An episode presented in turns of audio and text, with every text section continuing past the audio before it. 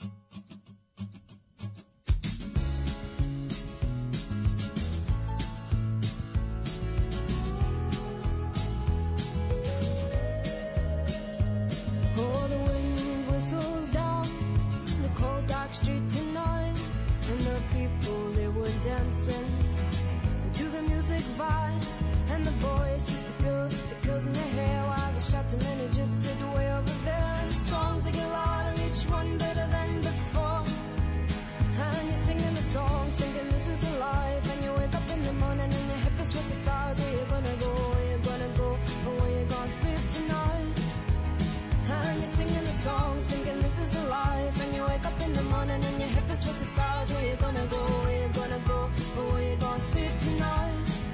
Where you gonna sleep tonight?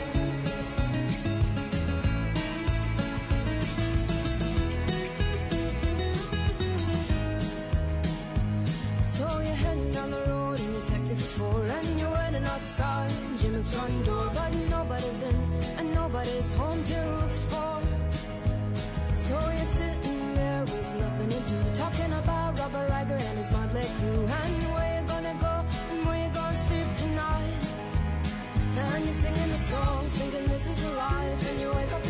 turning your head, cause this is always gonna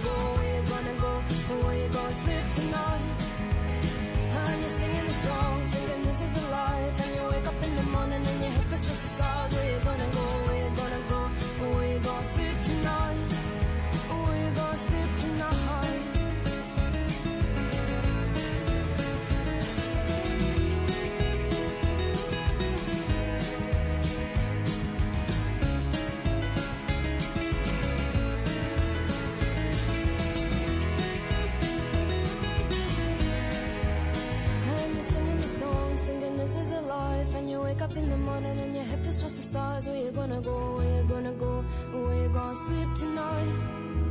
And you're singing the song, singing this is a life. And you wake up in the morning and your head feels towards the stars. Where you gonna go, where you gonna go, where you gonna sleep tonight? And you're singing the song, singing this is a life.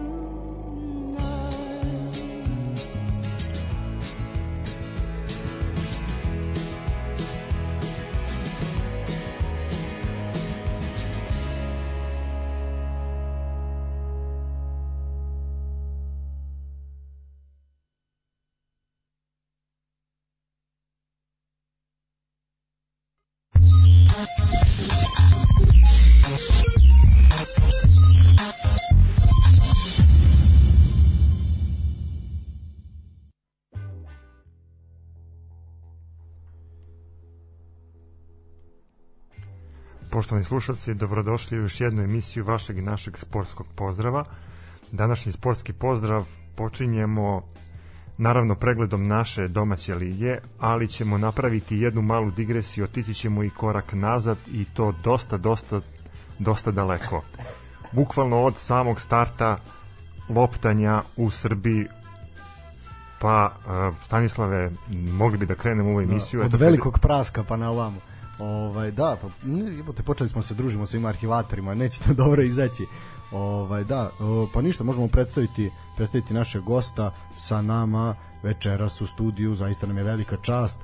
Boban Živanović, autor jednog, može se reći kapitalnog dela ovaj hronika prve lige u periodu od 1923. do 1940. Bobane, dobro dobrodošli. Dobro hvala na pozivu, pozdrav svima i čast mi je takođe da sam ovde mi ćemo naravno kao što je Stefan rekao baviti se prvo trenutačnim što bi rekli ovaj ove komšije situacijama na našim livadama, ali bogame i njivama. Ovaj bilo ih je ovog vikenda. Idemo iz, iz prezenta u past. Da, ovaj a onda ćemo se ovaj posvetiti našem gostu i naravno njegovom njegovom delu. On će u, učestvovati zajedno sa nama u komentaru ovih aktuelnosti. E, bitno je samo da napomenemo da ćemo u toku emisije nagraditi nekog od e, naših vernih fanova jednom jednom Bobanovom knjigom. Mogli bi čak da, čak da uzmemo i da postavimo jedno nagradno pitanje, pa e, ljudi neka se jave i ko prvi bude tačno govorio, taj će dobiti da. nagradu. Tako je, ja sam postavio na društvenim mrežama, znači na Twitteru, Instagramu i Facebooku broj telefona na koji možete da ovaj, kad to budemo naznačili jasno i glasno da pošaljete odgovor i svoje podatke pa ćemo se dalje posle emisije dogovoriti. A eto, mogli bi da smislimo pitanje za to vreme? Pa dobro, kako bude tekla priča pa će nam nešto verovatno, verovatno sesti. Uh, ništa, ajmo, ajmo polako ovaj redom, možemo početi od petka. Pa eto, 13, 13. kolo Linglong Super Lige još uvek nije završeno. Zapravo jeste, jeste ja? završena utakmica pre par minuta, ovaj, ali nije kompletno, ovaj, pričat ćemo, doći ćemo do toga zašto. Otvoreno je utakmicom u Novom pazaru, povratnička utakmica Vladimira Gaćinovića, koji je nazvao četvrti put se već vraća na klupu Spartaka ovaj, kao gost je Spartak pobedio Novi Pazar sa 1-0, a zaista ključni presudni moment je bio u 71. minutu kada je fantastični Nemanja Nikolić ponovio ono što je godinama unazad radio upravo u dresu Spartaka, jedan kratko period u dresu Partizana, još kraći period u dresu Vojvodine, zaista je na tacni poslužio definitivno najbolji igrača Spartaka ove sezone Lazara Tufekđića, koji je onako ostao jedan lak deo posla da pogodi mrežu domaćina. Meč je bio onako više borben nego nešto posebno kvaliteta, osim tog zaista jednog lucidnog poteza. Uh, igralo se po jednom užasnom, užasnom terenu, uh, možda ne najgorem u, ovoj, u ovom kolu, ali definitivno ono, u top 3. Možda opet idemo, sad kako ide ružno vreme, opet glasamo koji teren je najružniji. Ovog puta nema Ivanjice, ja bih oni su jeli ispali, tako da nema ko da ovaj, ponese suvereno tu titulu. Uh, Pazarcima je bio deveti poraz u sezoni, uh, četvrte u nizu, ostaju zakucani za dno tabele. E sad, ovom utakmicom im je istekla kazna koja im je važila zbog uh, divljanja publike na meču protiv Partizana. A isto tako i Partizanu istekla zabrana za gostujuće navijače, tako da će biti poprilično zanimljivo u narednom kolu. Uh, što se tiče uh, Spartaka, eto, šok terapija povratkom Vladimira Gaćinovića je bila uspešna, eto, iskusni stručnjak je zabeležio pobedu. Ono što je bitno reći, da uh, je bilo smene na klupi Novog pazara, znači Kenan Kolašinac, da, eto, nije se dugo zadržao koliko, 4-5 kola je bio samo tu. Pa tako je nešto, da. da. pa mislim da zapravo posle utakmice s Partizanom je i seo na klupu.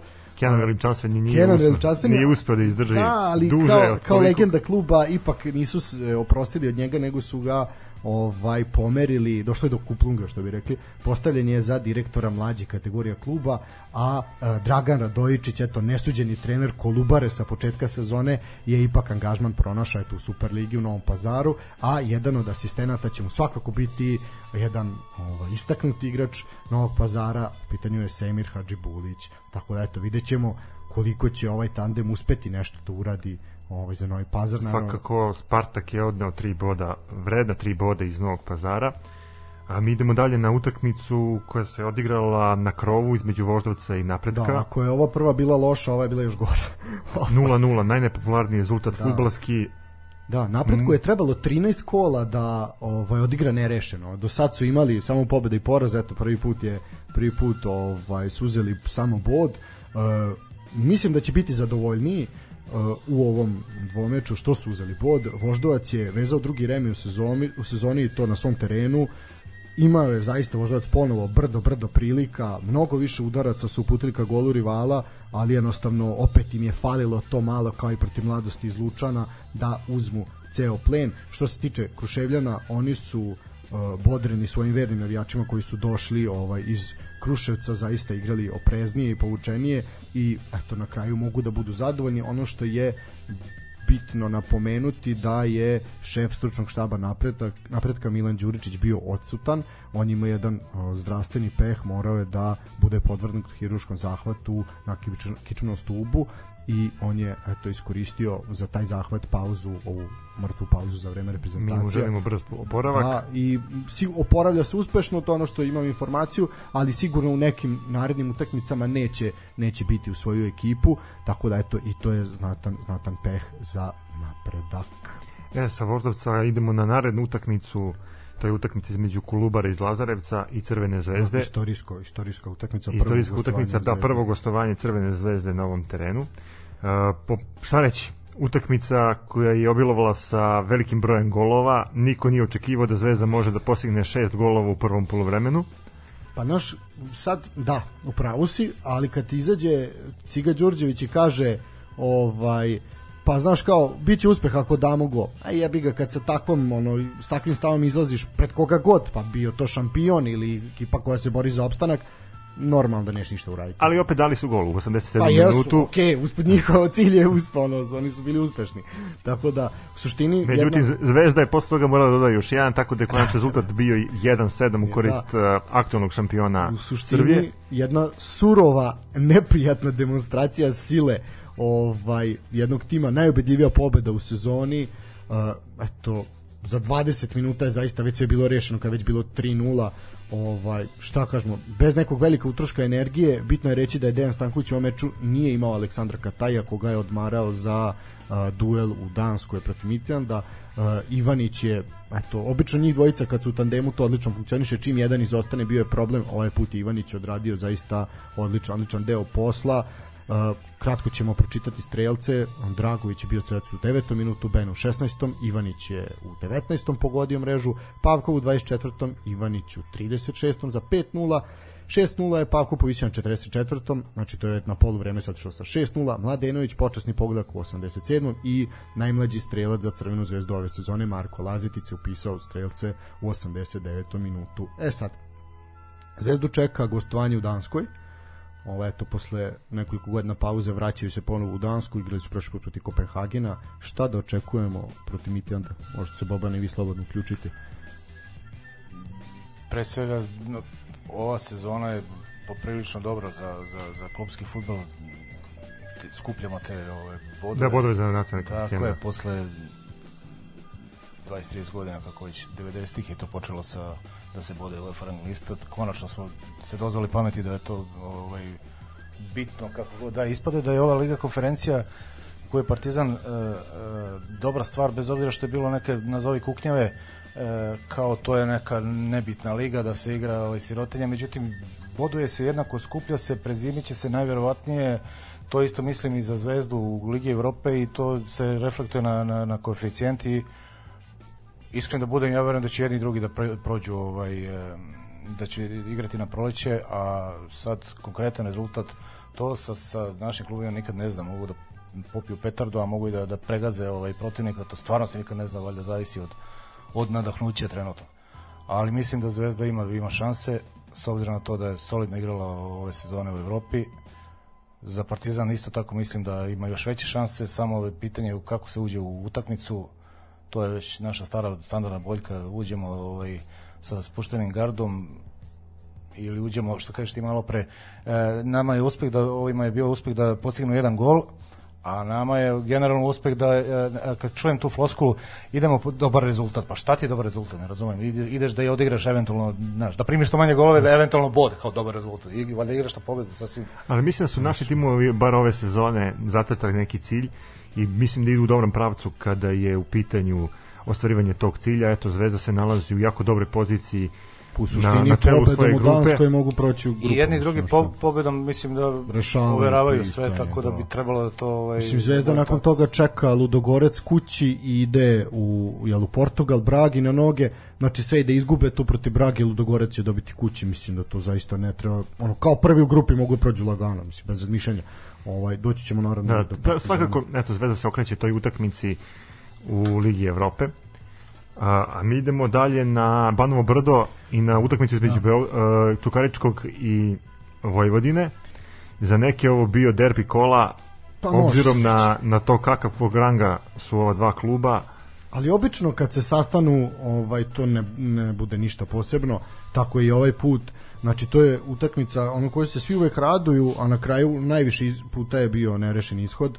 Ovaj Čukarički ovde zaista bio bolja bolja ekipa, daleko veći broj prilika. Uh, najveći krivac zašto je Čukari zašto je pardon Vojvodina Izvukla bod. da je uh, Nikola Simić koji je da kažem krivac po znacima navoda koji je ovaj briljirao zaista Čuka je dominirala to pokazuje odnos u šutima. 21 udarac su ljudi uputili. Znači čovjek imao 13 odbrana.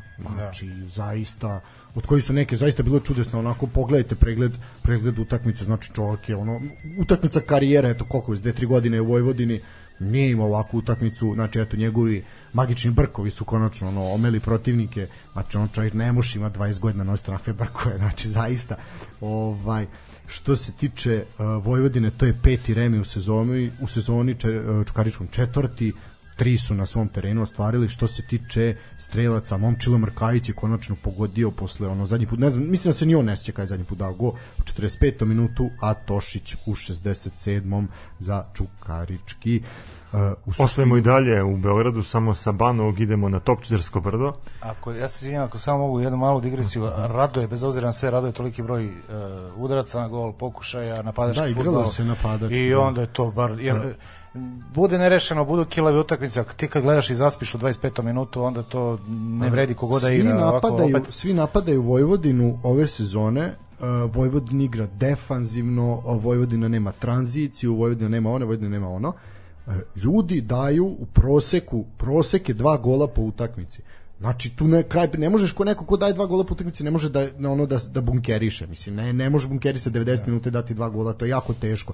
Jesu u prvom kolu protiv Zvezde zaista su igrali bunker maksimalni, ali nakon toga su zaista igrali neku svoju igru borbeno nazad, osvojimo loptu, ide neka tranzicija, ide neki napad, ima to smisla u nekim momentima, mada su zaista limitirani, ali Čukarički pod Sašom Milićem igra lepo, igraju atraktivno, Ovaj... Pritom ili su na svom terenu, kad su na svom terenu znaju da budu siloviti Absolutno, da, i da napadaju dok ne uzmu Imali su neke bodove. kikseve ove sezone tipa protiv Kolubare i tako nešto, ali čak i tu utakmicu su oni odigrali lepo za oko, atraktivno napadački, ok, ovi su bili bolji, dali su Da, ne možeš ni svaki više. put da uradiš, ali dobro je. Da, ali u suštini da, raduje, ali na, uvek je tu neko da kaže a da, ono naš ne, ne znaju pa jebi ga, jesu limitirani, ali trude se. Bitno je da se trude makar, pa će nešto i napraviti. Ne. Kao što sam već ranije spomenuo, sa Banovog selimo sa Topčiljarsko brdo. Partizan je ugostio ekipu radnika iz Surdulice i odneo tri boda. Rezultat 2-0. Uh, eto ti si imao prilike da, da gledaš tu da, utakmicu, da, kako tebi to izgledalo? Pa u suštini radnik nije prešao pola, putili su jedan udarac ka golu Popovića i to nije bilo, to nije bio udarac, to je bilo ono dodao samo jer smo najbolji drugari ovaj u suštini e, došli su da se brane, došli su da prime što manje golova, ja zaista opet kažem takvu, takvu filozofiju ne razumem. Može se reći da je bilo podnošljivih 2-0 iz ugla gostiju, jer zaista su mogli da odu sa šest komada u mreži. Oni su, Partizan imao 85% poseda lopte u nogama, znači to je, to je nenormalno. Nije bilo nekih puni, sad ti kažeš 100% šansi. Golman Stefan Anđelović je odradio fantastičan posao, čovjek je skinao, skinao jedno 3, 4 sigurno šanse, ove sve ostale su bile neke ono polu šanse, ali je i on tu fantastično reagovao. Lopta je prozujala na 20 cm od stative jedno 4 puta. Znači, pritom su bile one kifle naš natho sa Ivice Kaznenog i ne znam, Živković i Lazar Marković može jedan šut takav i tako. Bilo je par, par takvih. Ovaj, u suštini Partizan lagano, Siniša Saničan se oporavio od koronavirusa, eto posle tri nedelje je je bio ponovo u startnoj postavi. Uh, opet je neko neza, ako postoji nezadovoljstvo zbog nečega ovaj na tribinama Partizanovog stadiona, a da to nije predsednik države, onda je onda je to što Ricardo provodi svih 90 minuta konstantno na terenu, čak i kada je rezultat gotovo izgledan. Mislim, pa koliko smo čuli Štulić je povređen?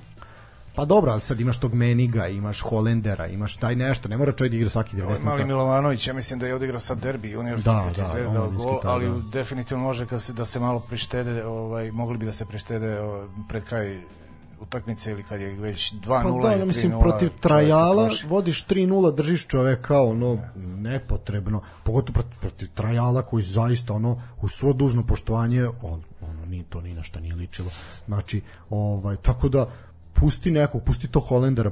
Ja, ja shvatam s jedne strane zašto to oni rade. Cilj je naravno da on nabije što veći ono saldo golova i da ga utopimo negde u Saudijsku Arabiju, ali ili ono Tajland ili već na neku egzotičnu destinaciju gde budete da ode na letovanje pa se za 4 meseca vrati ko ovaj neki što će se vratiti uskoro.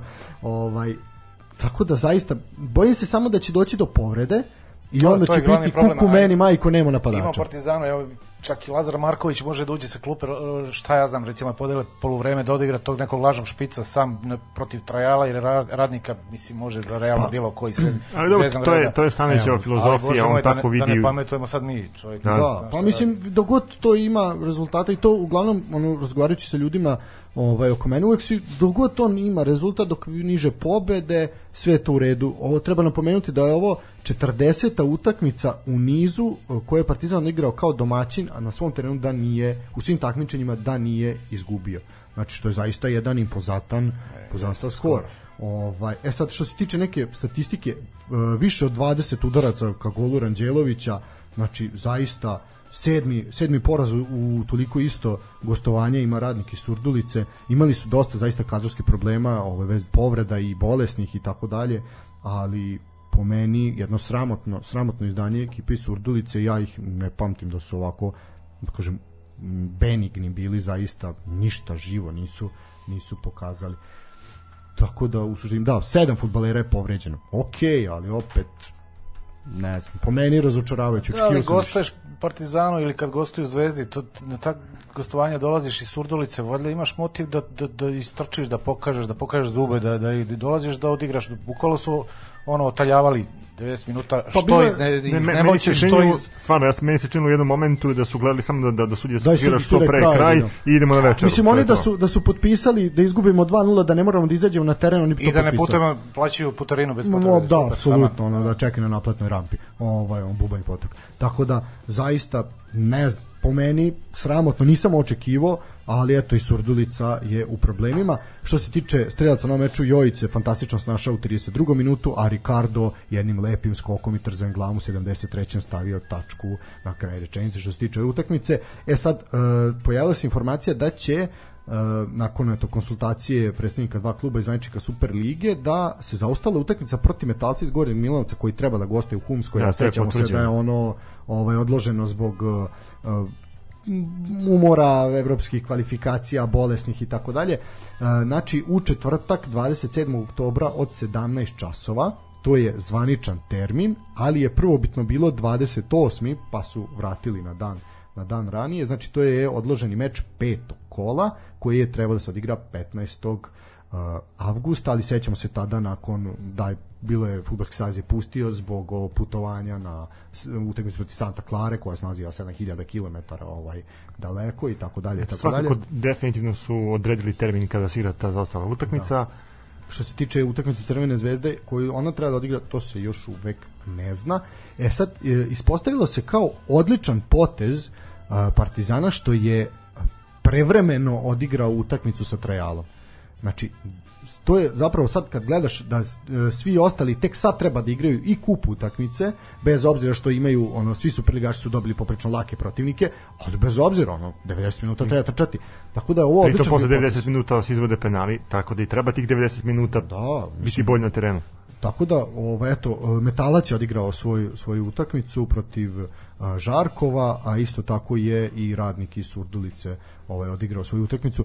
Znači, mislim da su to, ispostaviti se da je bio dobar potez, ovaj, iako su svi napali kao zašto pomerate, šta to radite, međutim, zašto ne bi Partizan nije imao toliko igrača ovaj, na reprezentativnim obavezama, bez kojih ne može. Znači, on to što bili Šćekić, Vujačić i to, mislim, moglo se nadomestiti. Moglo se popuni, a i stvorili sebi veliki prostor sada u ovom periodu kad bi trebalo da se odigra ta utakmica koja je već odigrana, tako da da. Da se vratimo na Superligu, uh, naredna utakmica bila u Novom Sadu između Proletera i TSC po meni jedno veliko iznenađenje. Niko živi ovo niko, niko nije očekivao da TSC može da izgubi bodove u Novom Sadu ali eto, Proletar je krenuo silovito i već u sedmom minutu postigao gol i to je to što smo videli od Proletera. Absolutno. Utakmica jeste bila tvrda, ali po meni ništa osim tog gola nije vredno pomena. Naš uhvatili su ih na spavanju, gol Lazara Kojića u 7 minutu, peta pobjeda proletera u šampionatu, ispostavilo se dovoljno za pobedu. TSC je pokušavao, zaista su se ljudi ljudi trudili, ali je Nikola Petrić isto utakmica karijere, definitivno su u ovom kolu golmani de, dominirali, ovaj zaista, znači Banjac, Stanojev, svi su pokušavali Slobodan Rajković se našao par puta u, u dobrim šansama, priključivao se napadu ko što to radi. Zaista, zaista ovaj pokušali su da daju sve od sebe igrači o, Mladena Krstajića, ali eto, moram priznati iznenađenje ovaj, u Novom Sadu, mislim da niko živi, čak ni u proleteru se nije nadao ovome, ne znaju ni oni još uvek mislim kako su pobedili. E, ono što je delimično pokvarilo slavlje e, igrača proletera, to je povreda bitne karike za igru Dilana Ortiza, koji je prinudno zamenjen tokom drugog poluvremena, a za sada je ostalo nepoznato koliki je stepen povrede mladog Kolumbica koji, sta, koji zaista znači za igru igru novosadskog tima, da. Tako da eto njemu želimo brzo oporavak, nadam se da nije ništa strašno, a ekipi Protera čestitamo na zasluženoj pobedi. Nastavite tako, šta da kažem. To je to u suštini. Uh, poslednja utakmica koja je trebala da se odigra danas od 15 časova. Namerno smo malo požurili da mogli da se posvetimo Bobanoj knjizi je duel dva radnička ovaj u Nišu. E, nažalost nije bilo superligaškog fudbala u Nišu danas. Ova utakmica je odložena zbog velikog broja bolesnih igrača u sastavu gostujućeg kluba. Prvobitno je meč bio zakazan za 18 časova, pa onda je prebačeno na 15, prijavili su zaista velik broj bolesnih, jednostavno medicinska komisija Futbolskog saveza Srbije uvažila argumente, posle čega je zajednica Superliga, Superliga saopštila da je meč odložen, igraće se u prvom slobodnom terminu, koji će to termin biti, to niko živi ne zna. E, što se tiče kadrovskih problema u radničkom iz Kragujevca, oni su počeli početkom čak i prošle nedelje, ovaj kada su bez trenera putovali u Surdulicu gde su na duel sa radnikom u kupu. Zaista nije bio ni Varjačić, ni Nemanja Tomić, ni Marko Mirić, ni Brnović, ni Rašo, znači ono, cela okosnica tima ti nije bila ovaj na tom meču, zasluženo su onda izgubili, mislim šta da se kaže, ovaj, tako da poraz bio logično, ono, posledica svega toga, kad se ne pojavi sedam najbitnijih igrača, ono, mislim, tužno je što ti je Marko Mirić u 37. godini naj, najbolji igrač. Najbit, bit, jedan od najbitnijih. Pa da, a Nemanja Tomić, ono, u, čovjek koji je najagilniji ono u životnoj formi ono sad mislim Varjačić svaka čast čovjek ima kiflu ono jedini ono koji može da centrira iz natrčavanja u našoj ligi ovaj šta se to desilo umeđu vremenu i zašto više nemamo igrače koji mogu da centriraju o tome ćemo pričati u drugom delu emisije aj puštaj neku pesmu suši jer sam se živ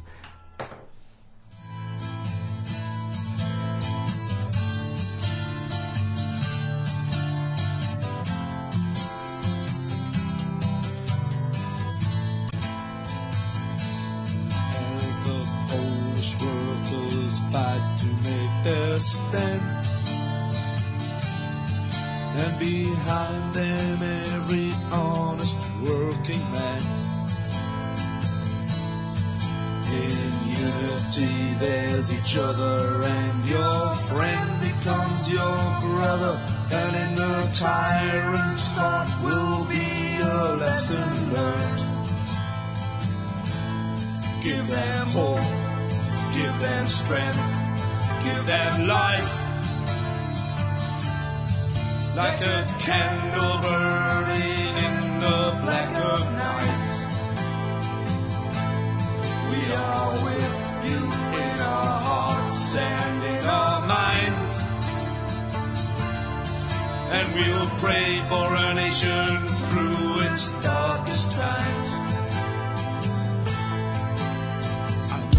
Your hearts are made of a first kind. And a riot stick won't kill your peace of mind. You can fight with all the spirit that you possess. Because your fight is a struggle that is blessed. Give them hope, give them strength give them life. Like a candle burning in the black of night. We are with you in our hearts and in our minds. And we'll pray for a nation through its darkest times.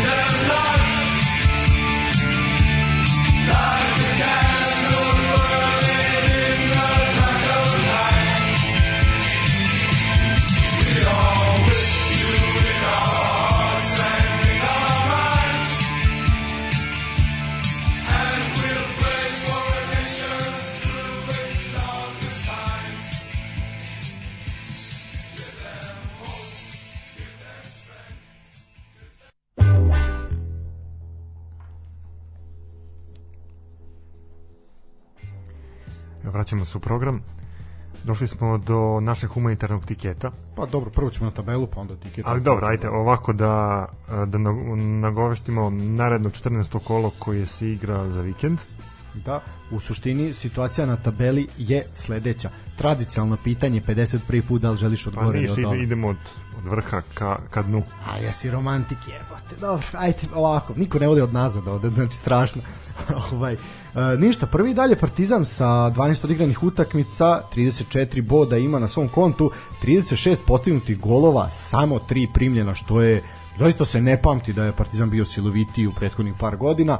Na drugom mestu je Crvena zvezda koja ima dve utakmice manje, 29 bodova, 28 datih i 6 primljenih golova. Treći je Čukarički koji ima 22 boda, TSC isto Bačke Topole je četvrti sa 20 bodova i evo prvi klub na tabeli koji ima odigrane zaista sve utakmice, to je napredak iz Kruševca koji i na svom kontu ima 19 bodova i jednu lošu seriju od tri poraza, jedno nerešeno u prethodnih pet utakmica. Šesta je Vojvodina sa takođe utakmicom manje 17 bodova, Voždovac sedmi sa takođe 17 i osmi je Proleter isto sa 17 bodova. Proleter je jednoj sjajnoj seriji sa četiri vezane pobede. Prvi ispod linije play-offa u ovom momentu je Spartak iz Subotice sa svih odigranih 13 utakmica, 15 bodova, eto nakon četiri vezana poraza su konačno slavili. Uh, Radnički iz Niša je 10. sa 14 bodova, Radnički iz Kragujevca je odmah iza njih takođe sa 14 bodova, Kolubara je 12. sa 13, Metalac je 13. sa 12, onako popriličeno razočarenje i dalje ovaj vlada ove redakcije u Metalac iz Gornjeg Milanovca, ali nadamo se da će se podići. A oni koji su se podigli kao ptica Feniks iz pepela, vezali uh, dve, dve pobede zapravo tri pobede u poslednjih pet mečeva, to je mladost iz Lučana i eto od najgoreg tima statistički na Balkanu sad su pobegli. Više nismo najgori. Bitno da budemo najgori. Ono, nek smo za nijansu bolji od svih ostalih i dobro je. Ma, makar, ono, jebi. Neka mladost iz Lučana nije najgori klub na prostor bivše Jugoslavije dobro. Život u Srbiji je dobar. Ne veze što je plata 300 evra i to. Malo mi za sriću triba. Ba da, e da. Ovo je bilo na račun hrvatskog dragovoljca koji jeste najgori klub u Balkanu trenutno, ali dobro. E, radnik je 15. sa 10 skupljenih bodova i poslednji su pazarci koji su vezali 4 četiri poraza sa 7 bodova. Eto Fenjeraši zaostaju, ali tu je još ima sve je to na blizu i bit će tu jako, jako velika borba za play-off, play-out, a i boga mi za Ima još da se igra, tako da je sve otvoreno. Da, mislim, pogotovo je veliki problem vezan za ostale utakmice, kad će oni to odigrati, šta, kako, mislim, to je to će se tek pokazati, a bojim se da ova sad praksa odlaganja zbog bolesnih da će to sad biti sve češće i češće, da će tu biti jako, jako nezgodno. No, ajmo na neke vedrije teme, uh, novo kola, novo sreća, neko manje, nekom veća. I evo naš humanitarni tiket koji... Da, koji do sad još uvijek nije prošao. Nije prošao, ali eto možda... Da, i onaj čovek koji nam je rekao, više biste ovaj pomogli nekom da niste uplaćivali tikete, nego samo dali te pare humanitarne svrhe, ali no dobro, mi želimo da to bude grandiozno, bombastično i senzacionalno. I čorava koliko ubode zrno, mi se nadamo da. da. će E, a ja ću sad kao predsednik na ovaj na na javnom se na nije bio na ja se na prvoj da ovaj pišem na tabeli, al da objašnjavam sve tako da ništa vi meni diktirate, ja ću kao predsednik da zapisujem. Ovaj znači 14. kolo se otvara 21. oktobra u 16:30 u Kruševac dolazi Novi Pazar. E, ajde vidjet ćemo, Radojičić debituje na klupi Pazara, napredak... Novi trener, nova sreća. Da, da, neko manje, neko veće, mam vidi. U suštini napredak problem ima sa svojim trenerom, tu isto ima i dosta odsutnih igrača. Šta kažeš ti, Stefan, ovde? Ja kažem i tipujem na napredak iz Kruševca da nosi pobedu iz ovog. Sva tri boda. Da, sva tri boda. Optimista. Jel ti Rubin sponsor? Strašno. Znači, ja tipujem da će oba tima dati po jedan gol makar. Bobani? Ja mislim da tu x ko vrate.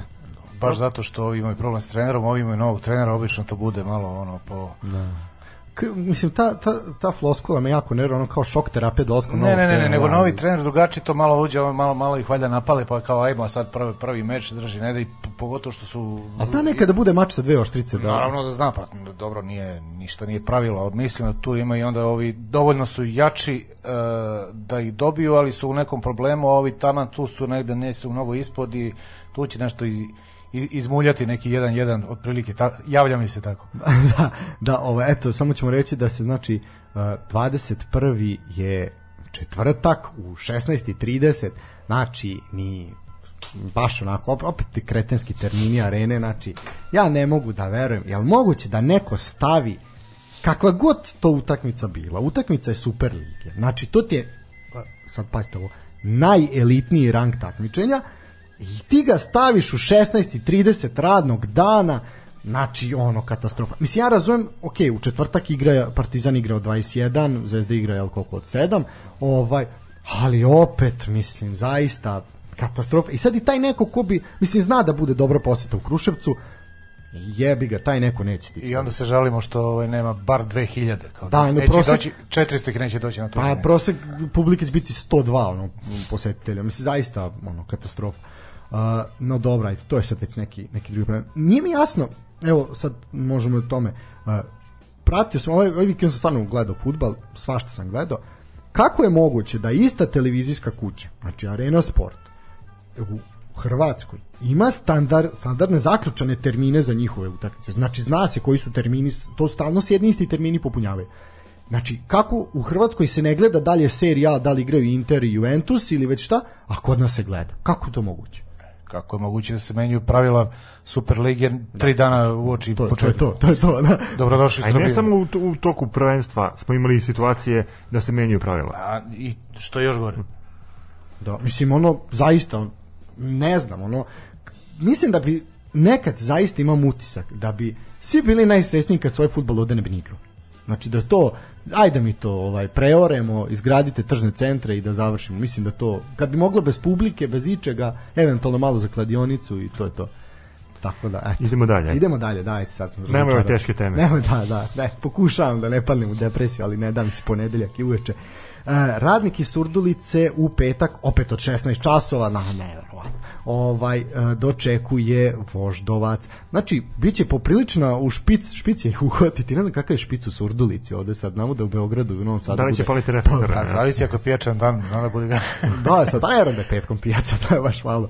Ali da, znači, u špica, eto, ko, ne, morate krenuti dosta ranije da biste zauzeli svoje mesto na a, stadionu u Surdulici. Znači, radnik dočekuje Voždovac, ja mislim da ovde sve osim pobede konačno Voždovca je ono katastrofa za, za Zmajeve i to ću i napisati, znači čista, čista dvojka na Voždovac. Mislim da je Dobro, red ja, ja ću biti pobedi. malo optimističan kad je u pitanju ekipa radnika, pa ću tipovati na njih uz možda nerešen rezultat. Znači, Znači, Janix. Kecix. Da. Dobro, Boban. I ja se Stefanu pridružujem. Kecix. Da. U, dobro. Volim taj okršaj kad imamo to, uh, diametralno suprotno, onda mogu da se hvalim sam bio pametniji. No dobro.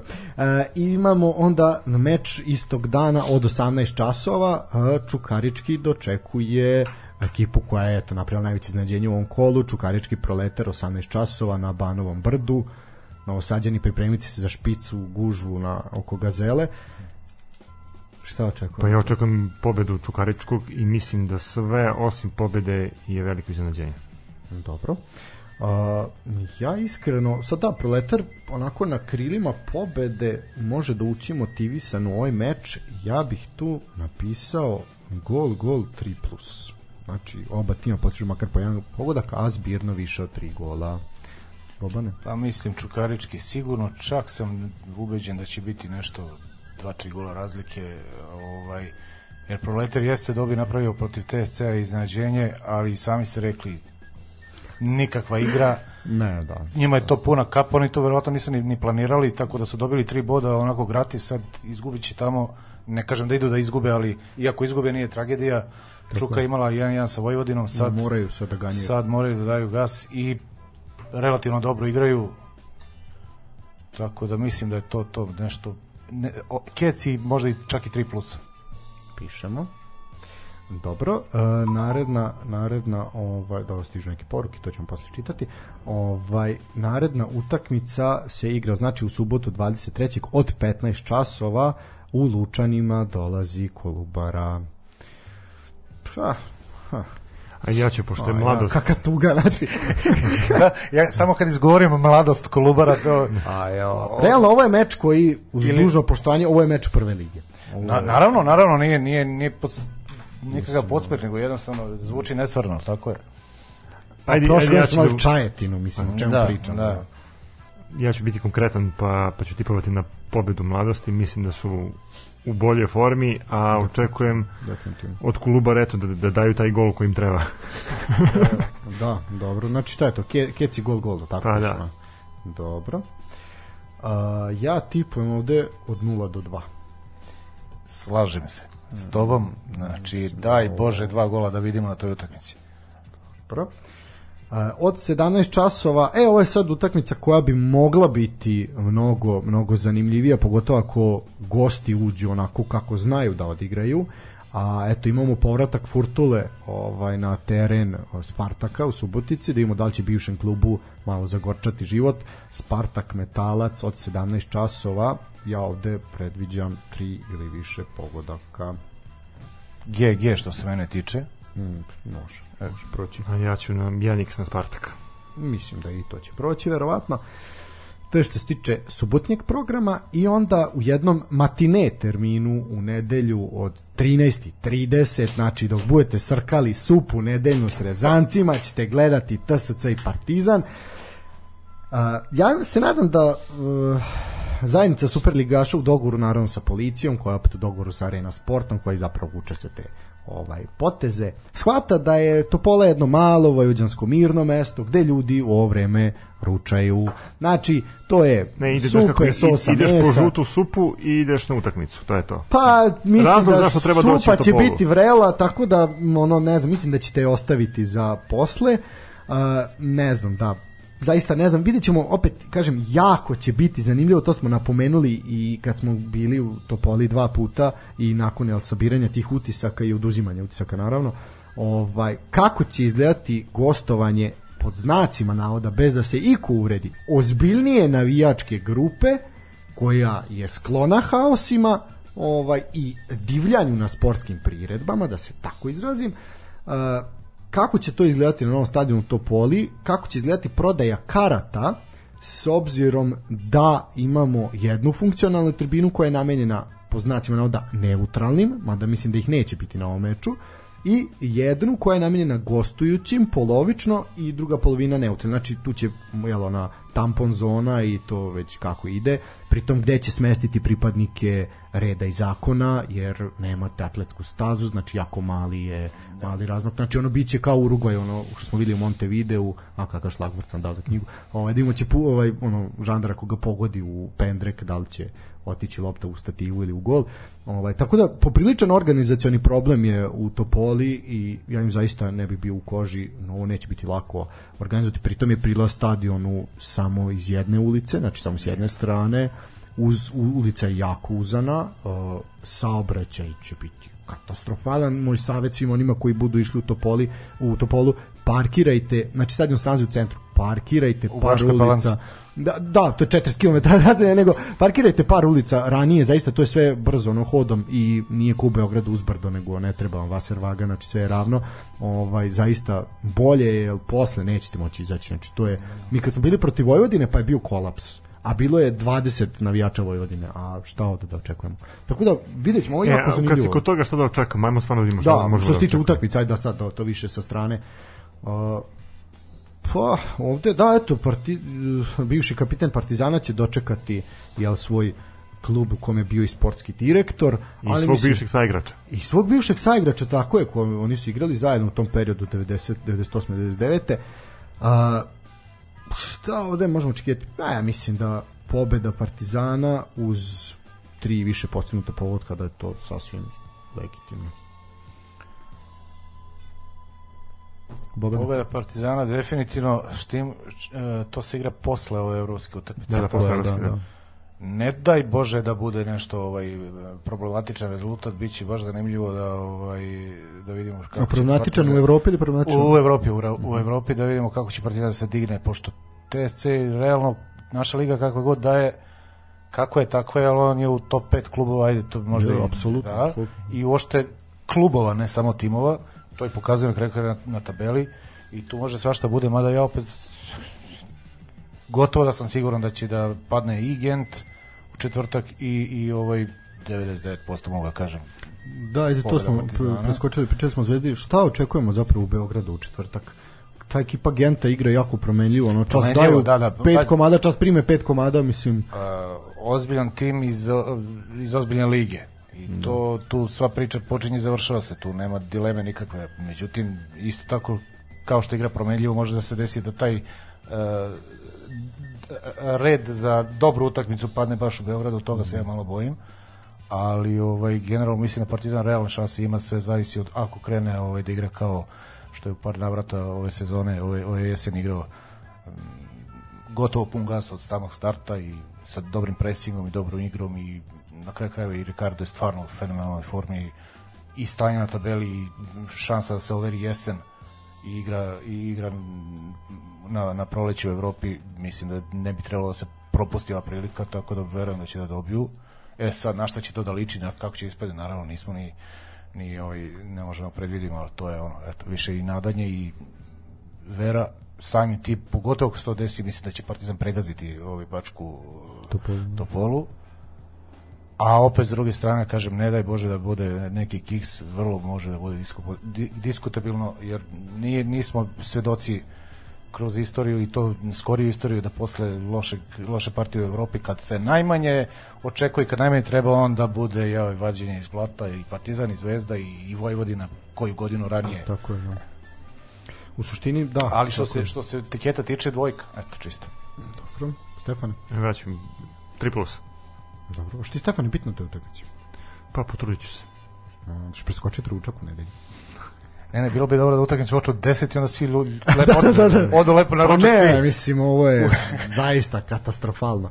Ovaj, e sad da, uh, spomenuli smo prodaju karata, ona još uvek nije zvanično ovaj, saopštena, ali pretpostavljamo da uh, će ona biti ograničena za sve navijače Partizana, da sa obeležima nećete moći da kupite kartu ako ste navijač Partizana znači eto cimajte ako imate nekoga u Bačkoj Topoli da vam sa šalom Ferencvaroša kupi kartu jer drugačije bojim se da nećete moći i veliko je pitanje zapravo koliko će i klub dobiti karata za najvatrenije Pa navijače znam, ajde da vidimo prvo kako će sve to da se, da se razvija Da. nakon Mislim, to će sigurno znati utakmice. nakon evropske Da. utakmice, da. Znači u petak možete da planirate već odlazak u Topolu. Da, što se tiče što se tiče te evropske utakmice, uh, komentar kratki kad smo kod karata, 2500 pojedinačna karta, 4000 paket za Nortozis i Gent. Uh, komentar na to? Sramotno, šta reći, to svi znaju. Mislim, i, i ljudi su i ogorčeni, kako bih rekao, i ovo malo jada što publike, e, i što zbog korone, što zbog kvaliteta generalno našeg futbala, e, što dolazi i ti ga se sečeš kartama kao da želiš da ne, ne dođu. Da, iracionalan strah od Potpuno navijača. Da. suludo. Mislim, realno nisu to ne znam kakve basoslovne para za prosječnog navijača, pogotovo ako neko putuje iz... Ne moraš da dođeš iz, za, za, za evropsku utakmicu iz, ne znam, Republike Srpske ili odakle god. Tu, iz Kragujevca. Pa eto, dovoljno da dođete iz. Novog Sada, recimo Eto, to iz vam Novog Sada. treba vam... Gorivo, putarina i nazad tri i da po pojedeš pljeskavicu, da popiješ Coca-Cola O, i... to je već četiri. Kažem, to je... Da, da. Plus Stvarno, plus 2.500. stvarno Jako, je, jako je, jako je puno.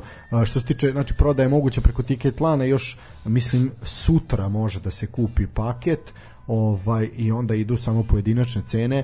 Ovaj zaista mislim da je puno i ono što sam video preko tiket lana jako puno slobodnih mesta ima znači jako malo karata je otišlo ovaj tako da Pritom, ajde kad smo već kod te utakmice, ja mogu samo da upozorim sve navijače koji budu išli na stadion, pošto se igra u 21 sat utakmica, bit će poprilično hladno, dobro Da, se tako je. obucite. U nedelju bilo jako zimska prijatno. oprema, zimske gume. Tako je, ovaj u ne, kad smo kod Ling Long Super lige, ovaj e, kad kao što se tiče Ling Longa meni trebaju dve zimske gume, a mogli bi nešto da sredimo neko sponzorstvo. Da, što se tiče toga u nedelju na primjer, zaista ono u 15 časova je bilo savršeno vreme u Beogradu. Znači 17 časova nedelja, šta biste drugo uradili nego otišli da gledate Partizan protiv Radnika iz Surdulice na primjer.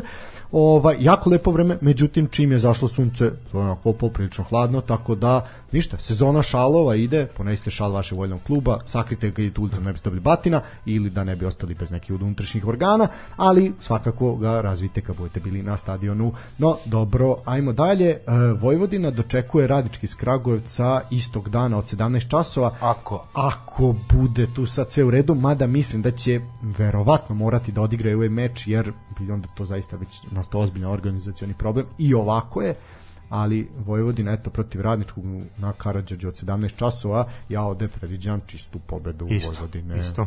Tri keca. Dobro. I kolo zatvaraju od 18.45 u nedelju Crvena zvezda i Radnički iz Niša. Radnički iz Niša znamo da grca u problemima od početka sezone. Zapravo njihovi problemi su krenuli prošle godine pa su se prebacili na ovu. Mislim da sve znači ovako pobeda Crvena zvezda domaćin daje 4+. Eto, to ću ja reći.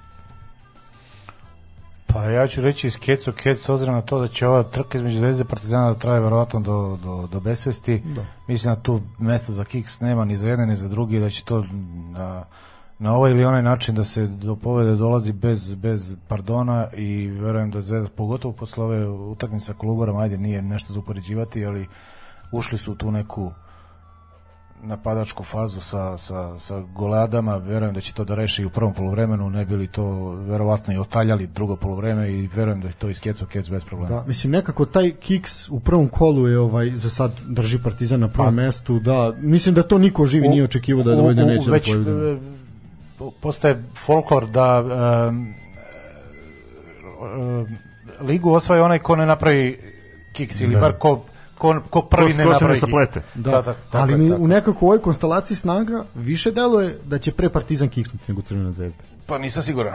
A, pa dobro. dobro. Ajde. I opet kažem, Partizan čeka teško gostovanje u Topoli. Da, da, da to je nezgodno. Vidjet ćemo, ovaj, što tiče Zvezde i utakmice sa radničkim iz Niša, ja tu tipujem na 4+. Znači, jedna goleada Nišlije će dobiti po donjem delu leđa. A, dobro. E sad, možda, i, možda i ne, vidjet ćemo.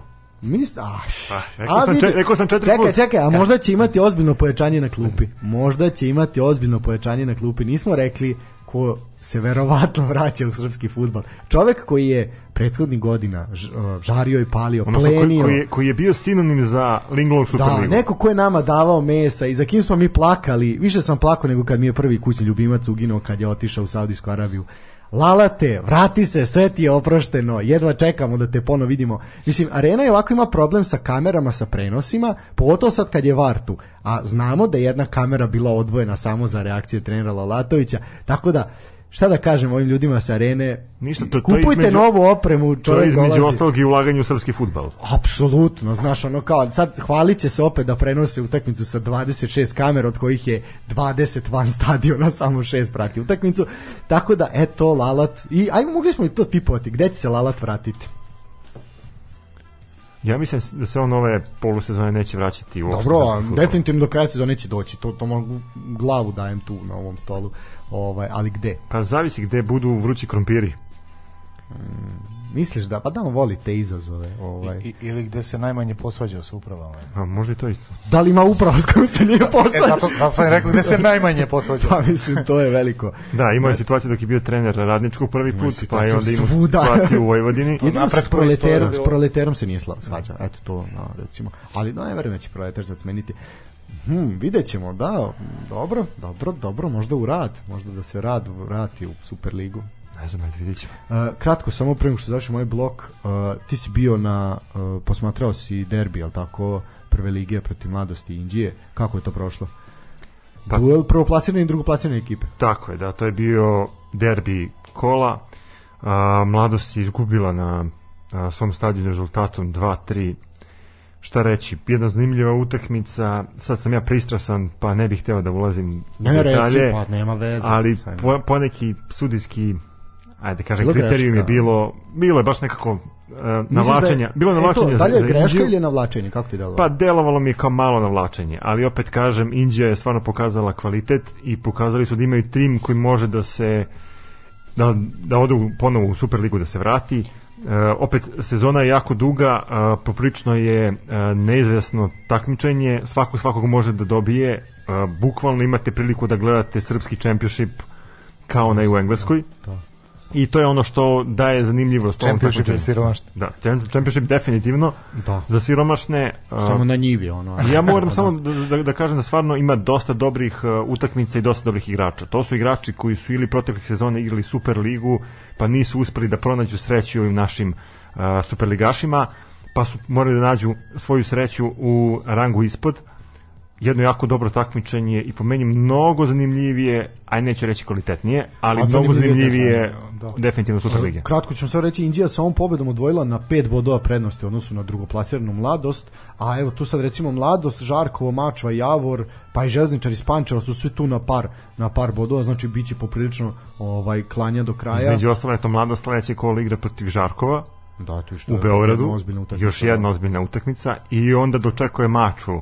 Na... Mačva je na svom terenu, ide, Deša se kod dočekuje, znači Dočekuje, Čelaru. da. Zato što je Mačva na svom terenu poprilično ovaj, ozbiljna, ovaj, baš ima onako- baš dobar tim. Mislim, u suštini jako ravnomerno raspoređene ekipe, tako da me ne bi iznenadilo da, da, da vidimo i kikseve nekih velikih uh, superligaških klubova koji su eto ove sezone u rangu Da, a ispod. što ti kažeš svako izgubio, mislim svako može pobediti izgubio, na primjer ta mačva je tukla to Žarkova, na primjer, mislim, ili tukli su na primjer grafičar, ono i to poprilično lep Bogdak Belić je bio.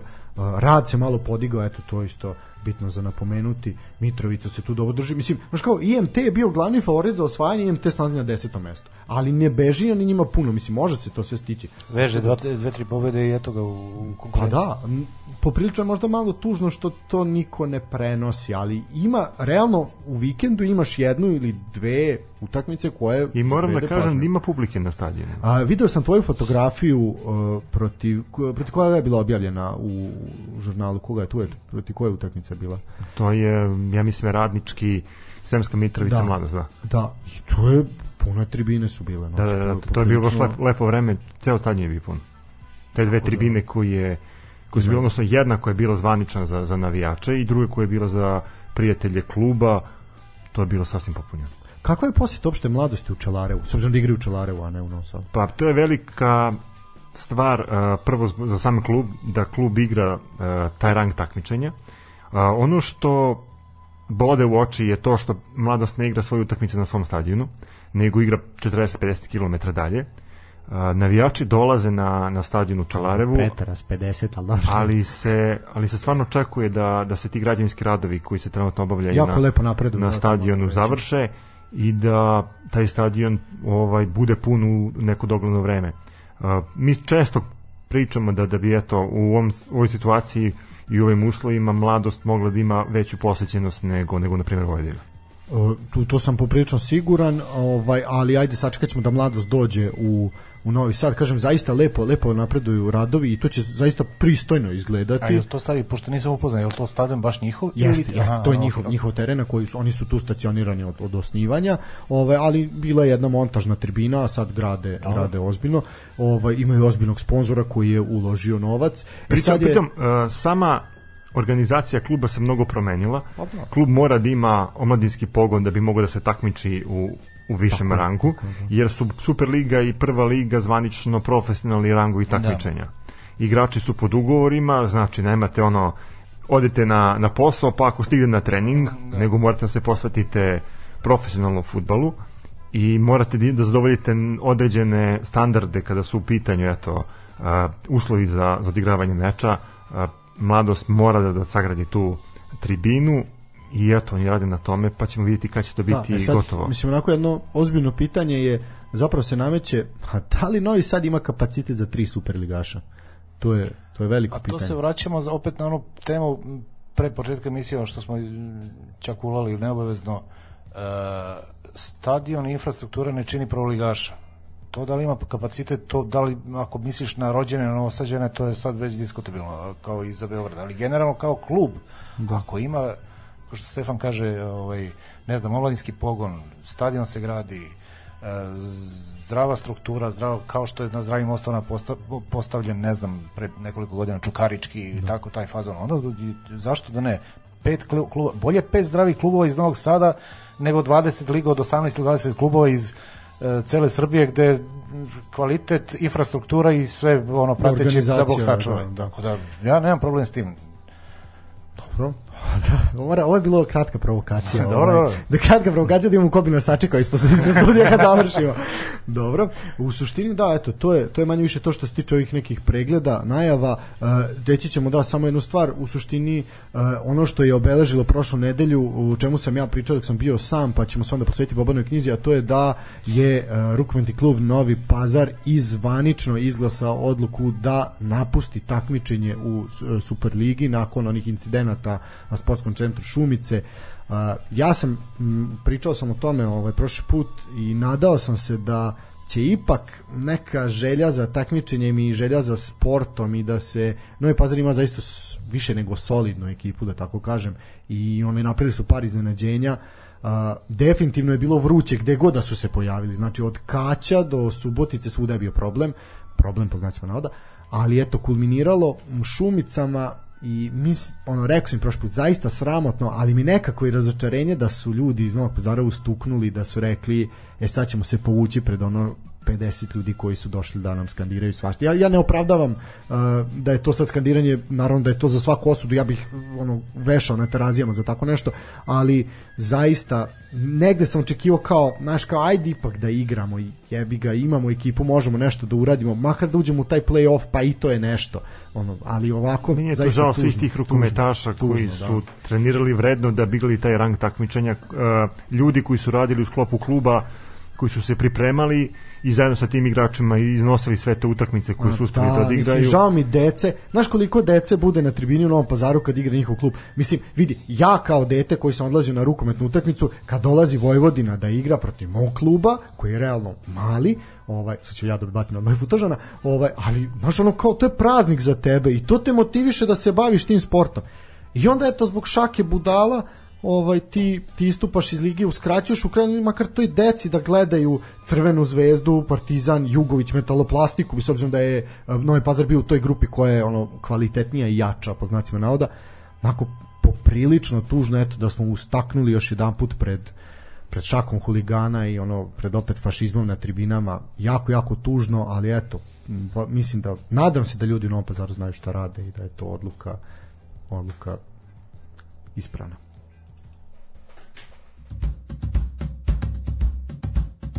What will we do with the drunken sailor? What will we do with the drunken sailor? What will we do with the drunken sailor early in the morning? Way hey and up she rises, way hey and up she rises, way hey and up she rises early in the morning. Shave his belly with a rusty razor, shave his belly with a rusty razor, shave his belly with a rusty razor early in the morning. Way hey and up she rises, way hey and up she rises, way hey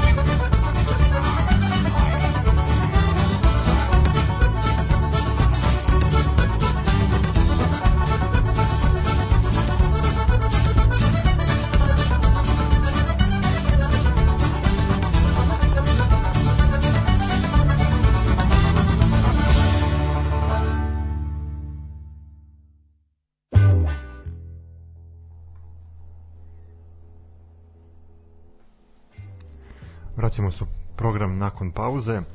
A, vraćamo se i u nostalgiju, neko davno zaboravljeno vreme, neko vreme koje nas podsjeća na to kakav je futbol ranije bio i kakav je sad. Između ostalog vraća nas na neke početke loptanja na našim livadama. Doslovno kažem livadama, pošto su prvi stadioni i bili livade. Pa, a i pretvorili su se ponovo u livade, tako da u suštini, da, vraćamo se. Istorija se ponavlja, ali kako kažu. Tako da nekad se igralo na livadama, sad se igra na njivama, ovaj, ali eto, da, e, počeci futbala u Srbiji i uopšte ajde, ovo se vodi za jel, ceo prostor jel, Kraljevine Jugoslavije ovaj, pa eto Bobane kako je, ajmo prvo kako je došlo na ideju za knjigu a onda ćemo pričati kako je počelo loptanje. Ideja za knjigu je došla potpuno spontano, ali e, ja sam kao klinac to sam rekao svoje vremeno i na promociji knjige e, ili se inficiraš ili se ne inficiraš znači ili voliš do besvesti sport ili futbal ili ti ono kao da. E, naravno, mene je klepilo to prvo i ja sam kao klinac od onih prvih albuma i od e, priča starijih i tako dalje i naravno imao sam sreću da sam se rodio u bolje i kvalitetnije vreme što se bar futbala tiče, pa sam mogao da gledam i uživo i naravno u direktnim prenosima velike asovi naše i strane i onda se zaljubiš u tako stvari i onda sam počeo da, da, da skupljam sve i svašta. Uh, moram samo da kažem da ne znam koliko današnji klinci imaju predstave da je svojevremeno. Imao si dva kanala na televiziji. Imao si uh, utakmice se igrala nedeljom to jest uh, kolo se igralo nedeljom. Uh, evropske utakmice su se igrali po onom kup sistemu znači sve ukupno ti si imao nekoliko kola do finala. Da li to bio kup šampiona ili šta god od, od tri tadašnja kupa evropska i ukoliko imaš sreće da ti e, jugoslovenski klubovi ne ispadnu, ti gledaš utakmicu e, ovaj međunarodnog e, tipa e, sredom i četvrtkom je bila emisija od 15 minuta zvala se Eurogol i to je ovaj eurovizijska razmena e, razmena e, golova sa međunarodnih utakmica od srede od, od jučerašnjeg dana. I ja sam bukvalno pored televizora sveska, olovka, klekneš i u tih 15 minuta zapišeš ko je dao gol za Borussia iz Gladbaha ili za Twente ili šta već. I tako sam skupljao uh, ovaj uh, podatke raznorazne, naravno jedini internet je tad bio uh, sport, Jugoslovenski sportski list, žurnal je tek novo kasnije izašao, za ove zapadne krajeve zemlje bile su sportske novosti i to ti je što ti je. I sad ti tako, i naravno bilo je jednom godišnje, ta jaka je liga bila i bile su ovaj, um, albumi sa sličicama, vrlo, vrlo um, veliki tiraž je bio i to je ako si voleo i na osnovu, ne znam, sad ja zvučim kod da sam rođen 1325. ali zaista je bilo na osnovu uh, priča starijih uh, ti si imao neku sliku o tome šta se zapravo deša, ko je kvalitetan, znaš, pa prvi put čuješ za neki tim, znaš, kao šta je šalke, od koji su ti, znaš, pa ti onda objasne da to je jedan ozbiljan klub u Nemačkoj sa ogromnom tradicijom. Nemaš gde da pročitaš, nemaš gde, znaš, nemaš gde da zagrebeš. I onda me upravo to privlačilo, i zapisivo, zapisivo, zapisivo, da sam do, do, do, u jednom trenutku u nekom periodu imao e, nekoliko svezaka sa pozamašnim brojem sastava timova ovih e, stranih klubova.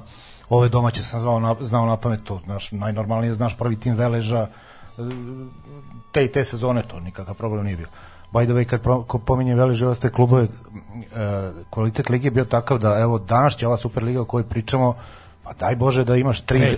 Daj Bože da imaš tri igrača u sadašnjoj Superligi koji bi mogli da igraju u tadašnjoj e, Jugoslaviji po kvalitetu, ali tu računaj da pričamo o klubovima tipa Osijek, Velež, Sloboda i taj i taj da, koji nisu beleže neke bi ne, možeš u ondašnje velike četvorke da imaš ove sadašnje igrače. Može, ali znaš, vrlo diskutabilno jer i tada su veliki igrači nisu mogli da prođu iz razno raznih razloga pa su igrali u drugim klubovima pa su zato i ti drugi klubovi bili jaki i tako dalje, onda zanimljiva liga je bilo, ko što ti kažeš malo pre domaći championship, tako je bilo. Partizan je svoje vreme, ja se sećam kako klinac bio 78 bio oborio rekord eh, po broju osvojenih bodova, tako da, je. I dati golova. Bilo je, ako se ne varam, 54 boda, to je dva boda za pobedu, to je tad bilo wow, kao nikad postignuto, bio Ante Mladenić, eh, trener Partizana, sjajna generacija. Te sezone su i dobili naziv parni valjak. Odu u Tuzlu, brate, to dobio 3-0 po zadnjici, ko ništa, to najnormalnije. Zvezda bude prvak neke, ne znam, 77. Čelik dođe na Barkanu 1-0 zdravo doviđenja. Znaš, to ni, ni, odeš u Skoplje, oni izgineš tamo, znaš, kao vreo teren. Pa kasnije 80 se pojavila Priština. Priština, da, to sam da, Dinamo iz Vinkovaca i, I tako dalje. je bilo zanimljivo. I onda je to, naravno, pošto je zanimljivo, onda te interesuje i voliš i skupljao sam, skupljao sam i onda je slava internetu u ovo novije vreme. Povezao sam se sa e, nekim ljudima preko mreže i tu uvek nikad, nikad ne propuštam priliku da, da spomenem svog prvog saradnika i prijatelja Nebojšu Jakovljevića iz Subotice gde smo uh, uh, razmenjujući materijal i razgovarajući na tu temu shvatili da ono što imam ja i ono što ima on i ono što je on kasnije a mnogo toga je uspio da nabavi uh, iz arhiva širom iz raznih gradova širom bivše juge shvatili smo da ima materijal za nešto što je uh, što može se pretočiti u knjigu Koliko je taj posao bio težak?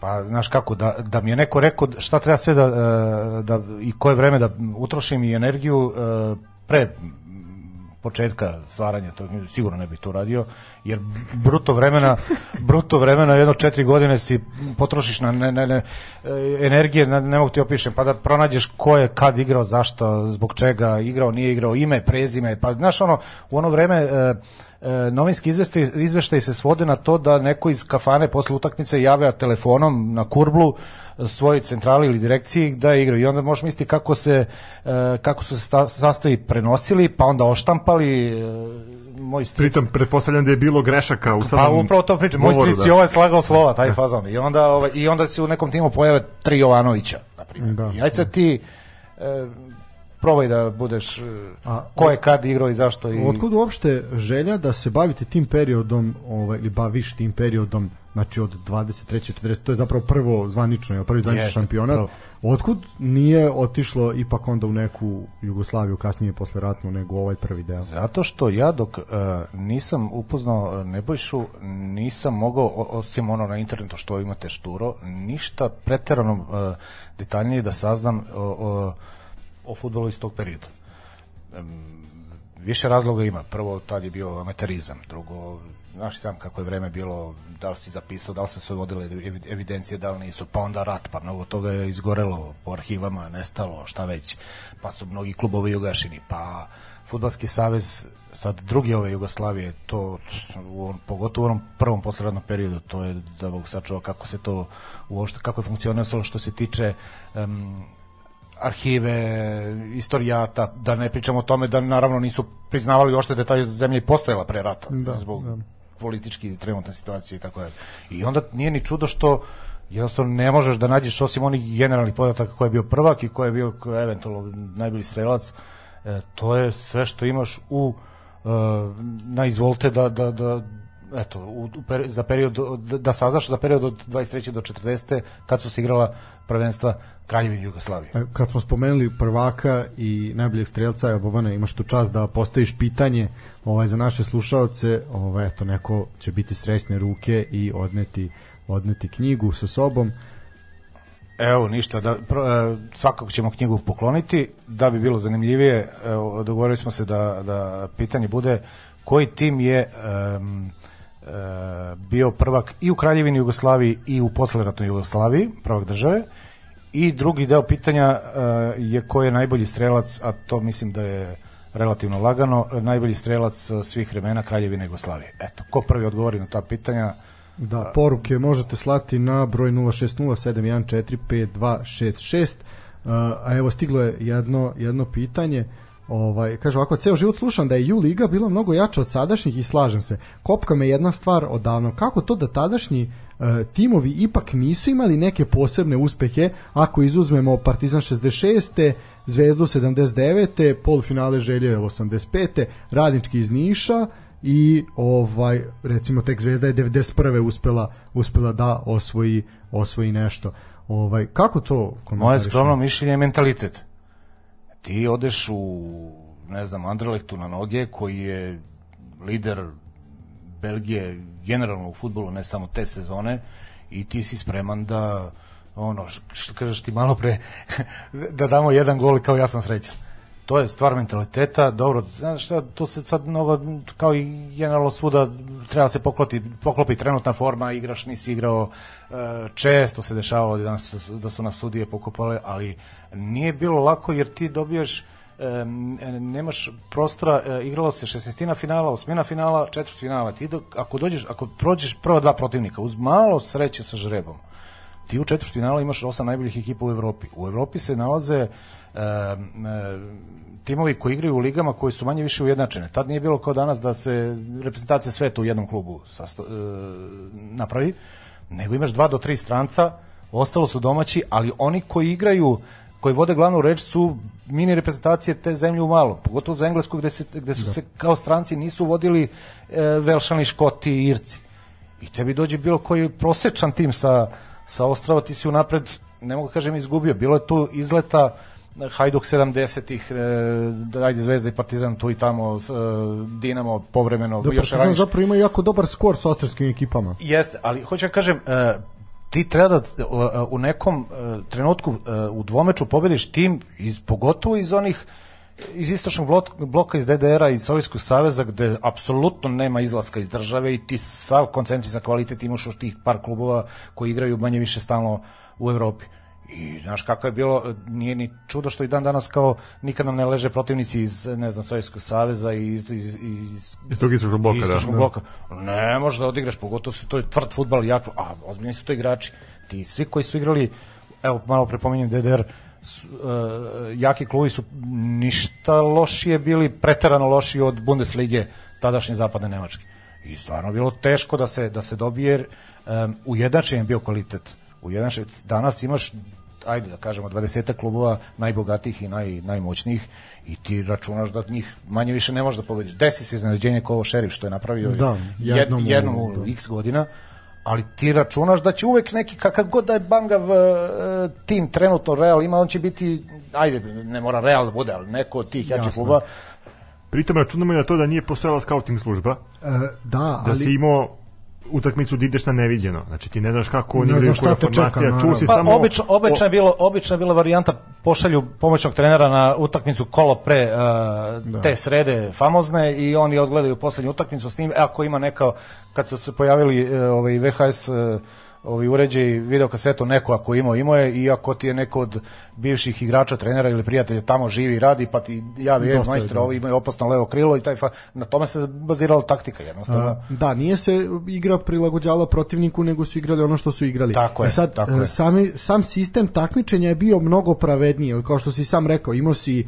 uh, dvomeč i to ti je što ti je. I onda se moglo desiti da radnički iz Niša uh, čukne Reala ili da Rijeka izbaci Reala mislim sad eto navodim Real kao primer, ovaj ili Partizan Manchester United, da zašto da ne. Ovaj ali sada i taj mali šerif mali po znacima navoda to je za njihov okvir ogroman klub, da. ovaj institucija državna ovaj ti ne, ne može u ovom sistemu takmičenja da uradi ništa. On može da iznenadi u grupi, ali on mora da odigra 30 utakmica u toku sezone na tom nivou. Ne može da taj kapacitet, tako je, tako je. Tako da je napravljeno na neko ko je bio tu neko je gost pa je rekao kao očekujem pravdu u Ligi šampiona. Nema pravde u Ligi šampiona. Liga šampiona nije pravedno takmičenje. Mislim to ne treba ne treba očekivati. Ova... Ja, ja se sećam 70 neke tamo ne mogu da sada da mislim da je recimo 77. godina bila. Hajduk je bio tad možda i u tom periodu se prvi polovini u stvari čitavih 70. godina verovatno najjači, najjači ovaj, u istoriji uh, što je pokojni Ivić napravio, selektirao tim. Uh, igrali su, imali su sjajnu ovaj, uh, sezonu, ne znam, one, one sezone kad je Zvezda došla do finala kupu UEFA, oni su za dlaku da. ispali ovaj, od, od hamburgera, godinu pre toga imaju sjajnu generaciju, prave maltene čuda po Evropi, imali su jednu dve tragedije u stvari za za neverovatno se izgubili od PSV-a i neverovatno od Saint Etienne ono 4-0 4-1 je bilo tako nešto su, su prokockali taj neki fazon. I onda odigraju prvo kolo u nekom kupu kupova da iđe, dođe im Vele iz Danske koji dobiju u Splitu Oni su prošli tu utakmicu, ali su Veli iz Danske, tad je Danska bila na nivou današnjih, ne znam, Farskih ostrava, znaš, ono, polomaterski futbol trala. I dođete taj Vele, ti istrčeš, oni te klepe u Splitu, potpuno neverovatno.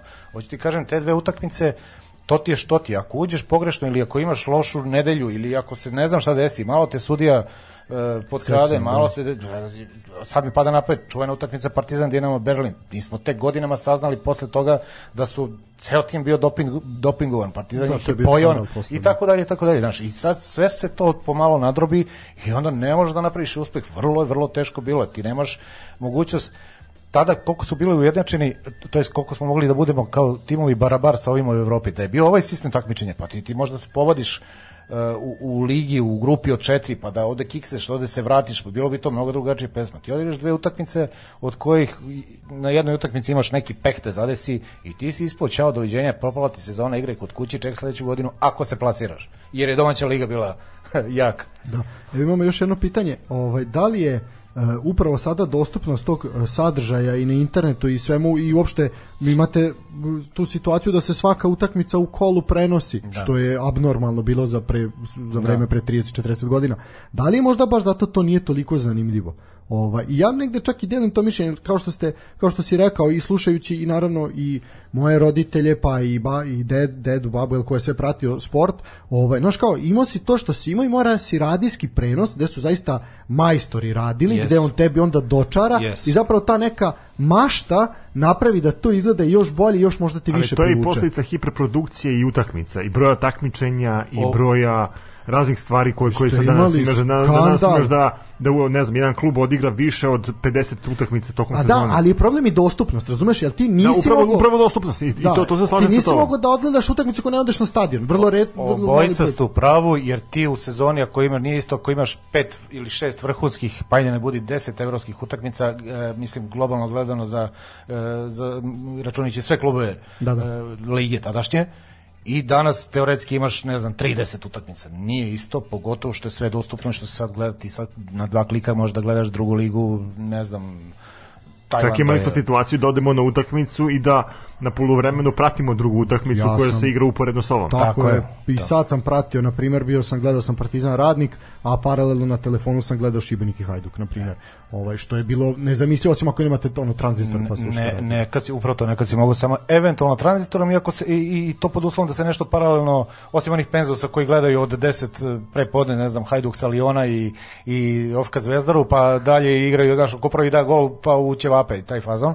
A i slušaju, naravno, čisto zato što, eto, nemaju pametne posle preko nedelje, pa Da. tranzistor na uvo i zdravo, ali e, na stadionu je bila relativno česta pojava kada se paralelno igra neka druga utakmica u nekom drugom gradu, a bitna je za plasman, za Da, ono, pred kraj sezone, da. i onda te da, i onda te to je to to ti je bio internet, mislim jednostavno e, Očima si na terenu, a, je. ušima si I na nekom drugom broj mestu. utakmica i kad se to desi e, to ti je to, ono, to je euforija. I Mislim da će ubiti, ako, do, ako sličan je fazon na ovo svetsko prvenstvo što se govore svake dve godine, ubiće Ubiće ti, draž, ubiće ubiće draž. ti, garantovano. Da, tako je. Pa to je bila jedna poenta Super lige, ono isto bi ubilo draž. Mislim i ovako je ubilo draž. Koga više zanima ono Manchester City, PSG, ono 17. put se već sastaju, Da, da. znači više nikog ne interesuje, ali da, e, Da se vratimo mi na... na knjigu, na, da. Uh, ajmo sad, znači to je sve. Kako su izgledali, ajde, donekle smo dobili odgovor kako je došlo do knjige, kako su izgledali počeci loptanja,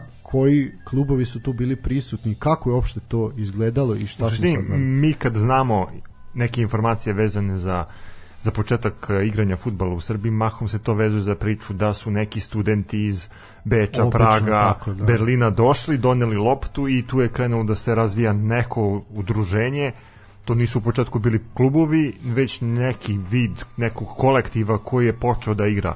A ima između ostalog e, i čuvena a, anegdota, odnosno to je i mit anegdota, koja je vezana za to kako, je, kako su Srbi prihvatili futbal kada su se vraćali sa Krfa i Soluna videli su zarobljene austrugarske vojnike kako igraju neku igru njima se to svidelo i po, počelo da poprima a, neke simpatije kod a, naših vojnika koji su nakon rata počeli da, da se aktivno bave futbalom.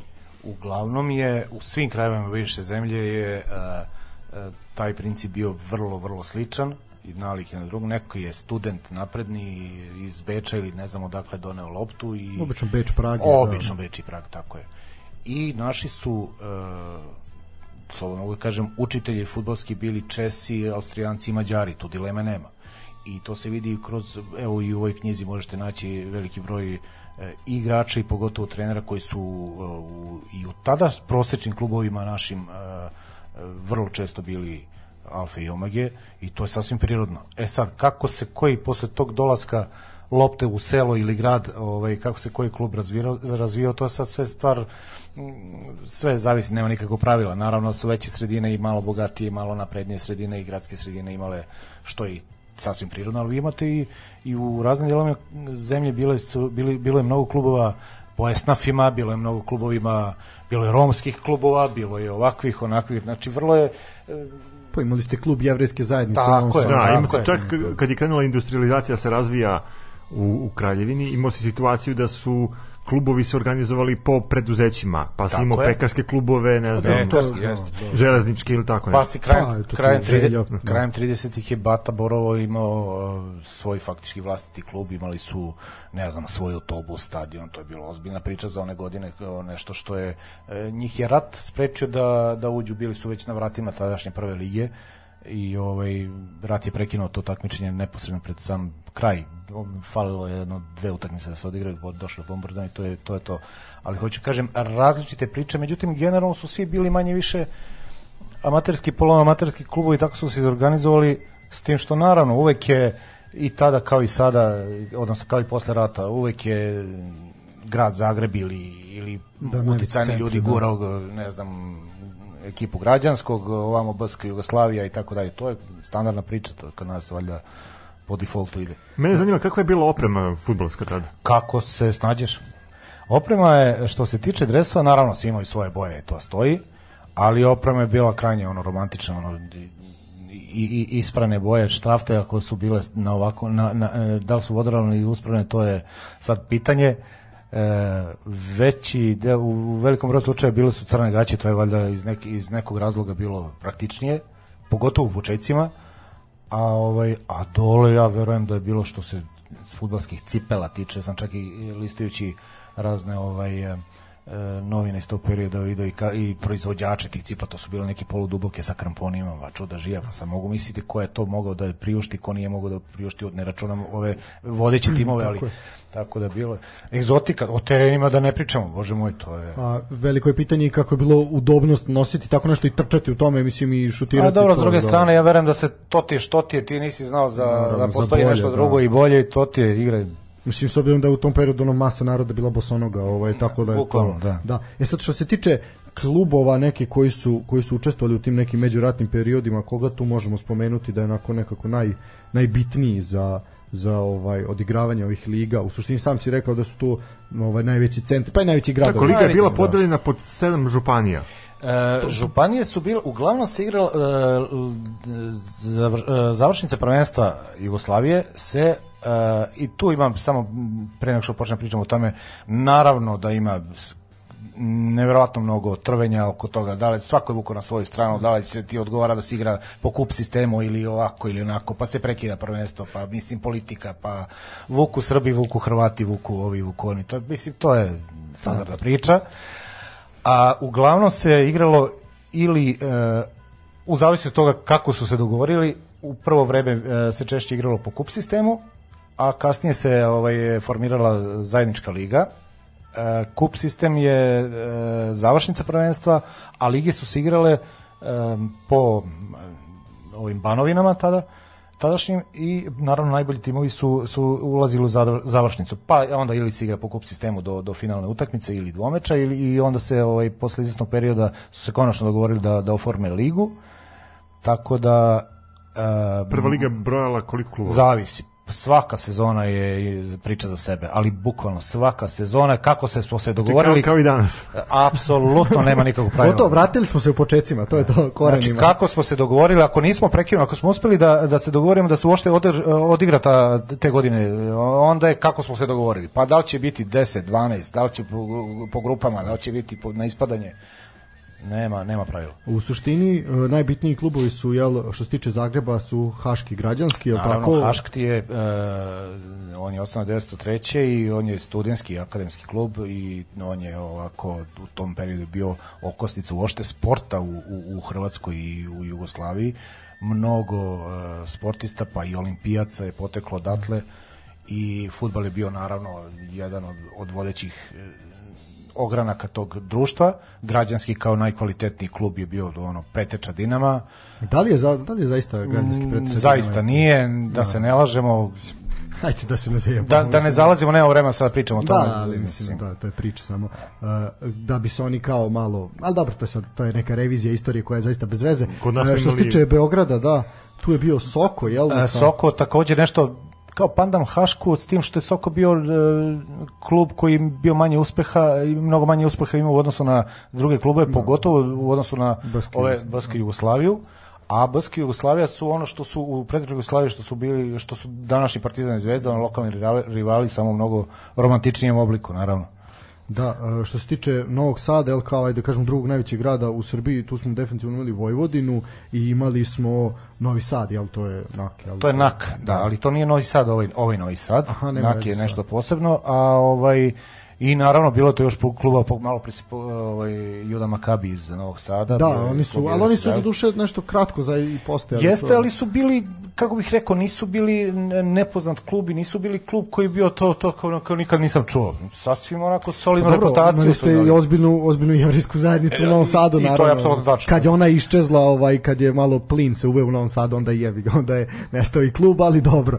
E, što se tiče ovaj drugih nekih centara u Sarajevo, Jugoslaviji, Sarajevo ti je imalo pre svega Sašk, a mm, ubrzo zatim i, i, i Slaviju Sarajeva. Sašk je bio prohrvatski, to ne znači bukvalno, ali prohrvatski klub, Slavija prosrpski klub. Uh, u Ljubljani su uvek bili, e, prvo je bila Ilirija, a posle su bili ovaj, e, Primorje i Ilirija su se stopili u sport klub Ljubljanu, koja nema veze sa posleratnom Ljubljanom i tako dalje.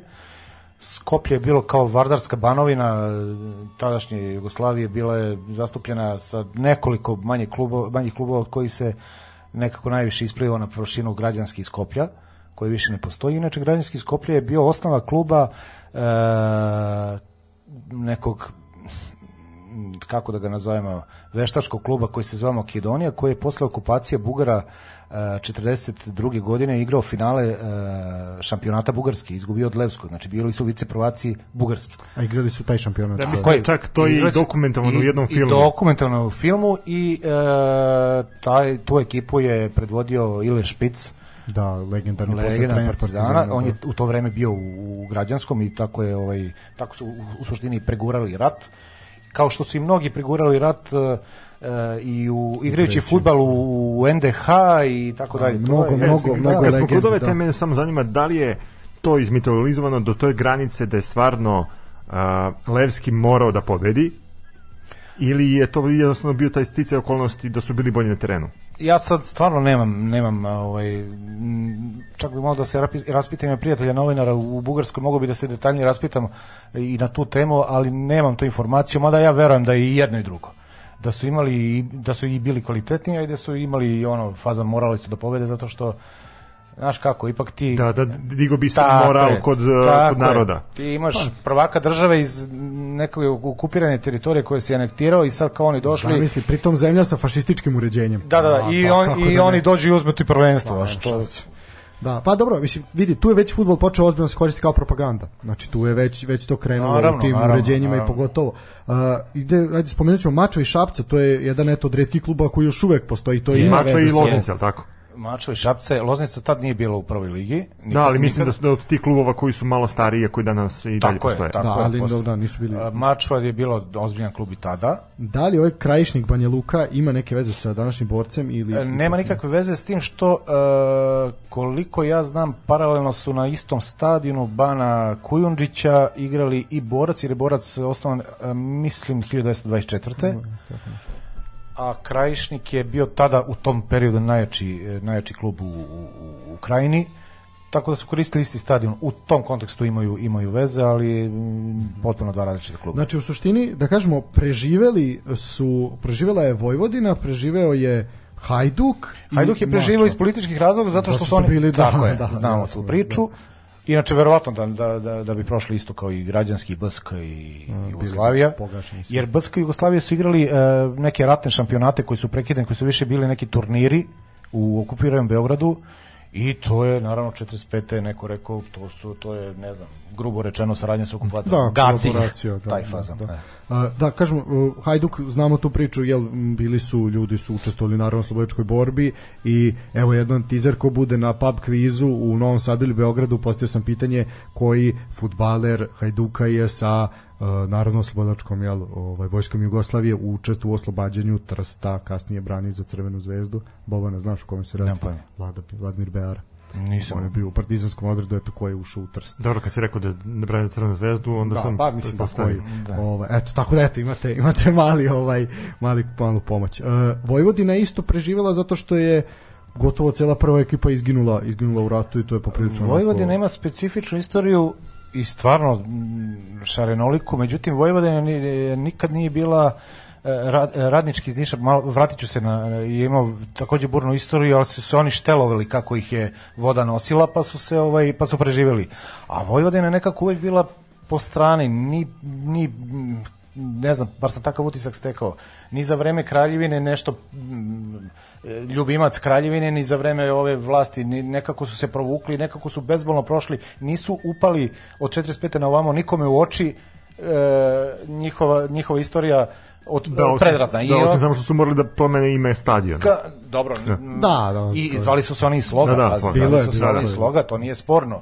Ali ovaj, generalno kao klub i kao društvo koje je egzistirao 1914. nisu se, znaš, ono, kao nema razloga da, me, da, da ih gasimo, aj kao, okej. Tak, a radnički iz Niša je, e, to je takođe Nebojša gore pomenuti ovaj, svoje vremeno kopajući arhivu i našli smo u nekom e, od e, službenih glasnika da su u jednom trenutku promenili ime radnički iz radničkog u građanski i kasnije je vraćan. Zašto? Zato što je tadašnja komunistička partija gledali ste film Montevideo, znate onu priču, ne znam, Milutinac i, i taj fazon, koji su naravno smetali kralju, jel te?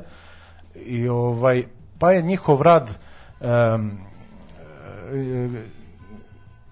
bio nepoželjan, pa su ono primorani da menjaju ime, čak su menjali boje, građanski iz Niša bio zelene boje, pa su menjali crvene, pa su se ponovo vraćali, tako su nekako preživjeli i dan danas, nažalost, na sajtu e, zvaničnog sajtu fudbalskog kluba Radnički imate neku priču o istoriji da je taj klub preživio tako što se iselio iz Niša u obližnje selo, pa su e, skrivali su se malte ne, identitet su svojih skrivali, međutim e, ne bih ni, ni, ni, ni znao ni znao za za taj podatak da kažem u arhivi Nebojša nije u jednom u jednom službenom glasniku od evo sad držim u, u ovoj knjigu i na strani 396 isječak iz sportiste koji je tada bio e, službeni glasnik Fudbalskog saveza, odnosno Beogradskog saveza, od 7. februara 1929. Po, e, pod tačkom 2 imate ovaj e, upravni odbor koji je sastančio okružnica broj 24 i tačka 1 tralala, tačka 2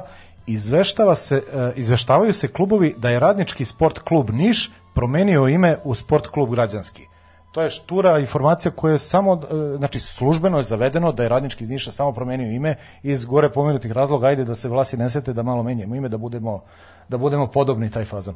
To se nigde u istoriji kluba u, u, u, u zvaničnim arhivima e, Ne spominje. ne spominje, verovatno zato što su ljudi koji su radili tu, taj istorijat e, uglavnom radili na osnovu predanja nekih koji su znali, kojima su babe i dede igrali svoje vremeno i sad kako je ko poslednji čuo priču, ispričao ili se setio, tako bi verovatno trebalo da bude, međutim kad se malo zagrebe i kad se pronađe pravi materijal, dobije se i, i malo drugačije informacije. Jako je zanimljivo da je u prvom grbu bila petokraka zapravo. Da, to sam uh, uh, petokraka sa točkom. E sad, točak, uh, ja ne znam koji razlog, to, to, točak me asocira na, na romski simbol, ali stvarno ne znam kako to veze ima sa, sa grbom prvog radničkog, ali bože moj. I da, menjali su, pogotovo kad pričamo o njima, menjali su klubove, čak su 70-ih bili potpuno beli kao Real Madrid, pa crveni, pa plavi.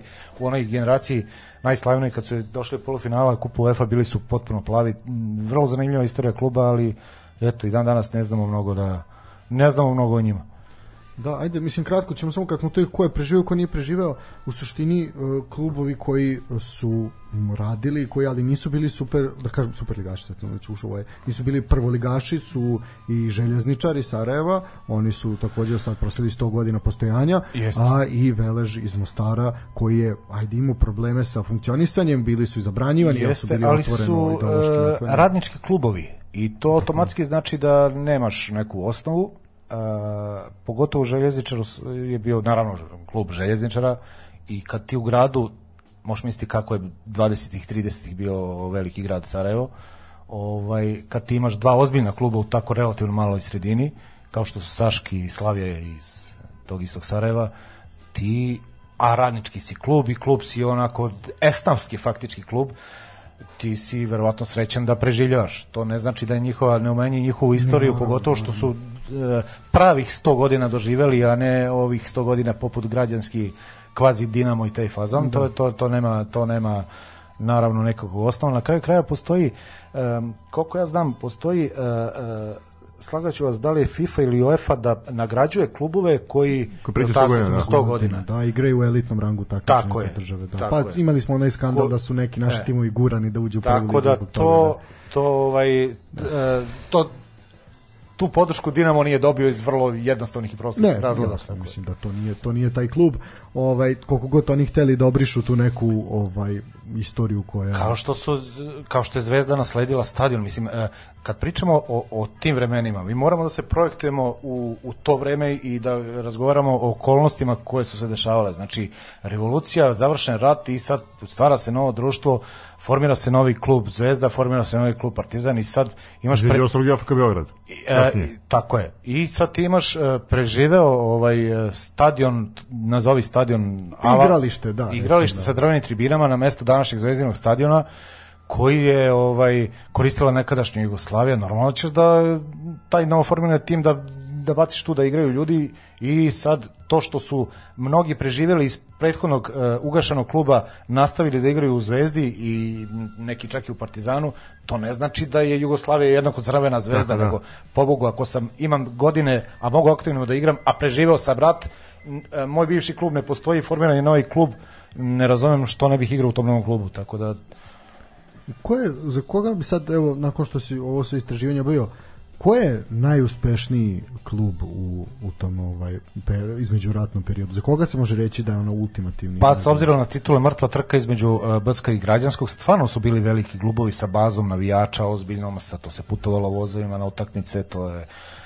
infrastruktura je bila najkvalitetnija u, u državi, reprezentacija Jugoslavije igrala uh, na Brskom stadionu mnogo utakmica, tako da s obzirom na okolnosti i na vreme o kom govorimo, stvarno su bili dva naj, najozbiljnija kluba. E, mene zanima da li postoji negde dokumentovano uh, najveća posećenost uh, Da, nekog to kad smo pričali već o kartama i o posjećenosti. Pa mislim da je do 25.000 bio bio maksimum maksimalan kapacitet i mislim da je to sasvim korektno bilo. I mnogo I više, to i to je ove današnje Da, da, da. I, i to je bi- mislim da je e, formalno bilo 20 naravno to nije bilo sedište, ali formalno je tribina Brskog stadiona starog e, primala 20.000.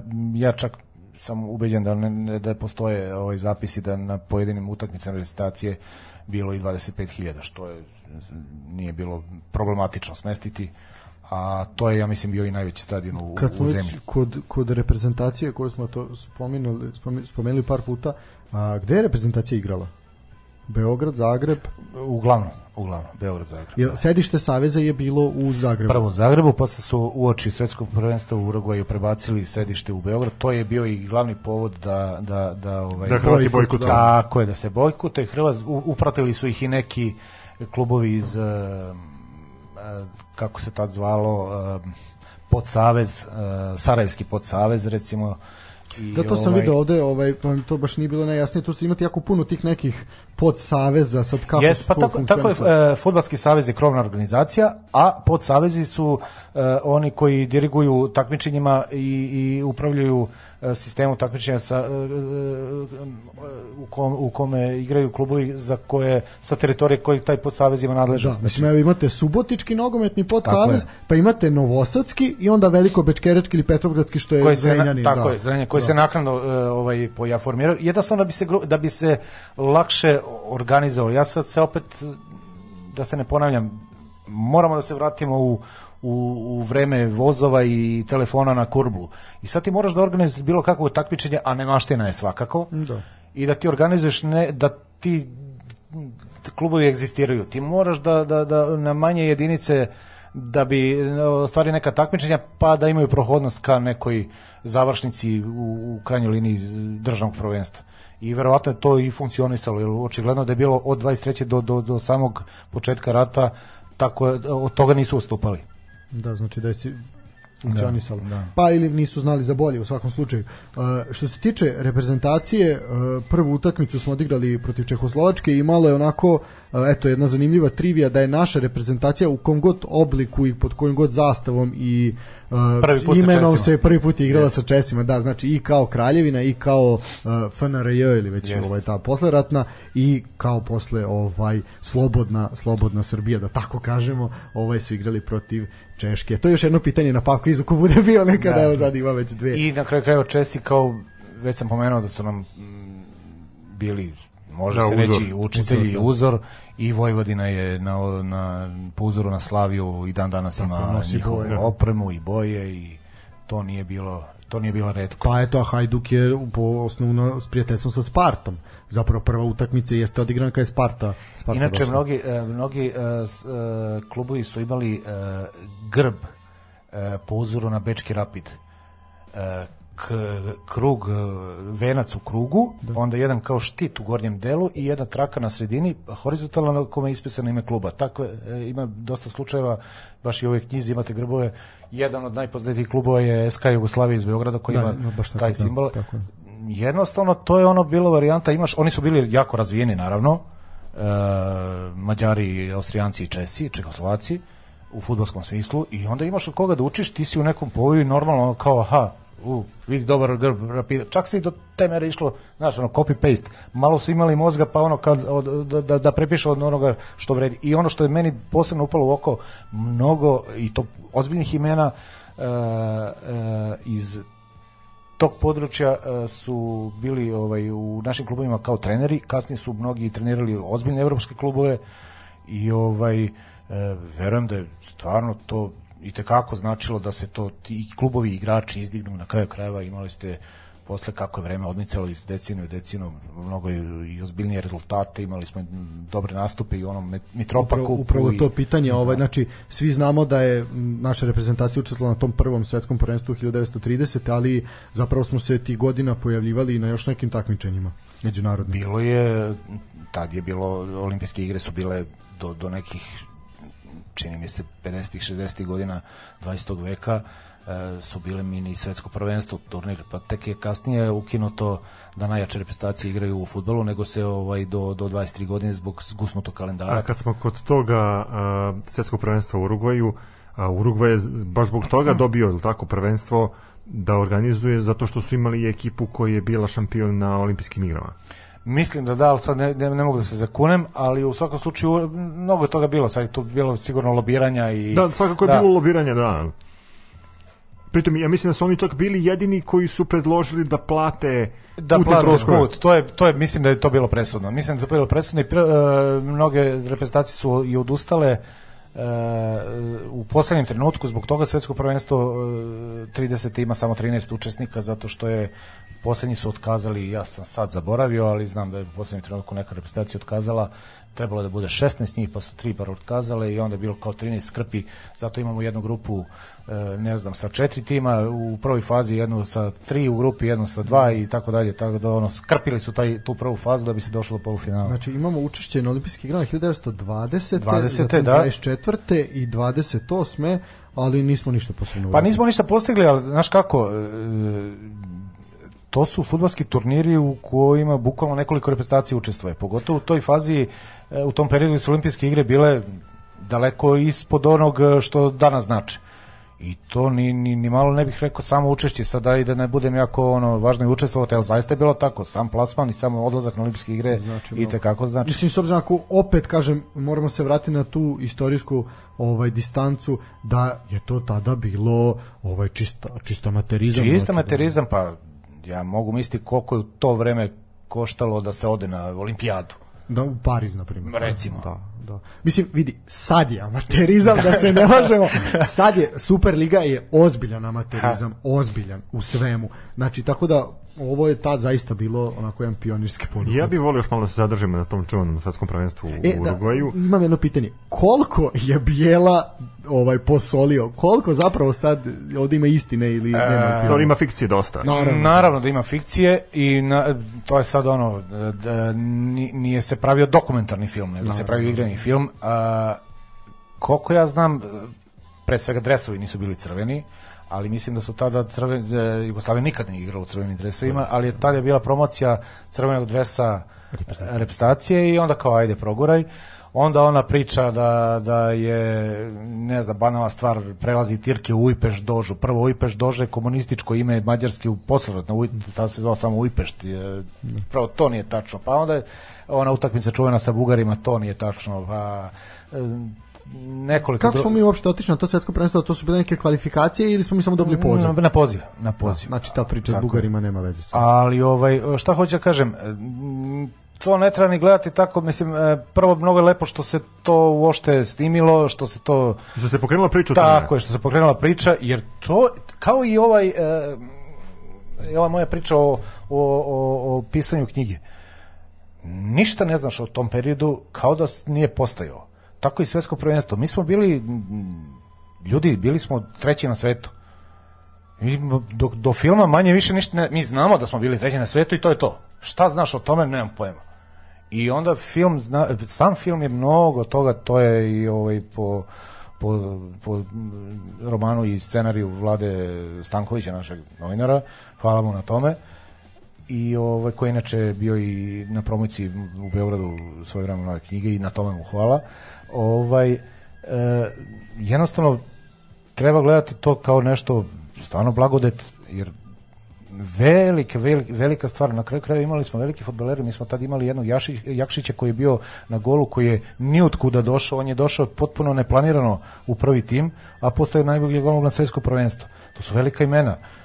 On je vede i ostao u Urugvaju, tako? E, nisam Nije, siguran, nije ali ima, se. ne, vratio se, ali ima, mislim da ima, ako se Ulicu ne vara, ili nešto, da. spomenik ulicu, tako Da, nešto. da, ima, da, imao, je- imao ulicu, a njegov povratak je vezan posle toga iz osnivanja Crvene zvezde. Jeste, bio je, jeste, upravo si. Bio je, čak i posle, ovaj, bio je neki Sekretar. Nešto, da. tako Da, on u- on je finansirao prvi zvanični statut kluba. ali u svakom slučaju to su stvari koje se do malte ne do pre nekoliko ajde pre 10 15 godina ali ko je neko znao znaju ali generalno Pa dobro, da, mislim, to mnogi, mnogi, na primjer, do filma nisu znali da koliko je da je Milutin Ivković, jer Milutinac bio Da. važna istorijska ličnost Da, i da, da. zapravo njegova ploča spomena njega stoji na stadionu Partizana, Partizana, da, da, i tako je, dalje. pa i tako ulica pored pored samog Da, stadiona je Milutin Tako Ivković, je. da.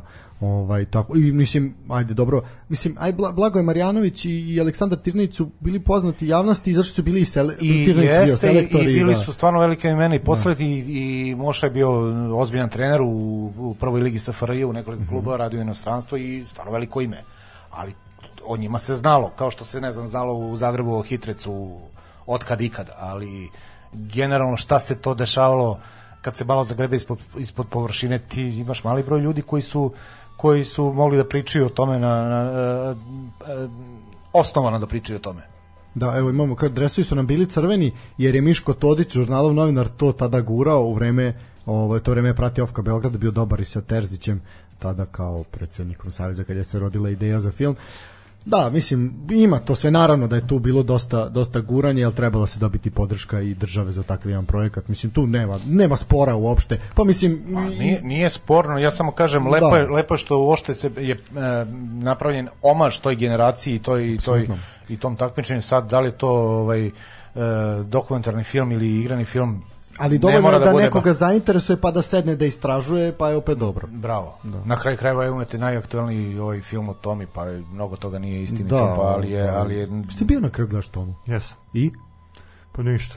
Ništa, splako. Nisam plakao, ali ovaj, ne, nećemo to mi... Priznaj da, priznaj da si, da si skinuo.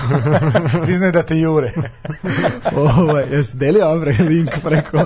Ovaj, ne, mislim, podeliti Bjelogrliću link sa filma je zaista ultimativni bezobrazluk, ovaj, ali dobro. Ne, ja nisam ja odustao, ja sam odustao gledam. Rekao sam da ćemo, da svi gledam na kraju sam odustao. Ne mogu, kad svi idu da gledaju, neću da me hapse zbog toga. Nek me hapse zbog emisije što live, neću da idem. Evo. Zato zbog I ono što bih još, ako imam vremena do pauze, samo par stvari zaboravit ću. E, futbal su igrali izuzetno obrazovani ljudi. Futbal su igrali, e, kasnije su bili Sve e, profesori na fakultetima, doktori, e, bilo je pevača, bilo je glumaca, bilo je mm, operskih Eto, pevača. Milutin Ivković bio doktor, mislim. Tako da. je, tako da ovaj e, nije uzelo da ona, ona priča e, nekad su uh, futbal igrali silotenja, gledali gospoda sad obrnuto.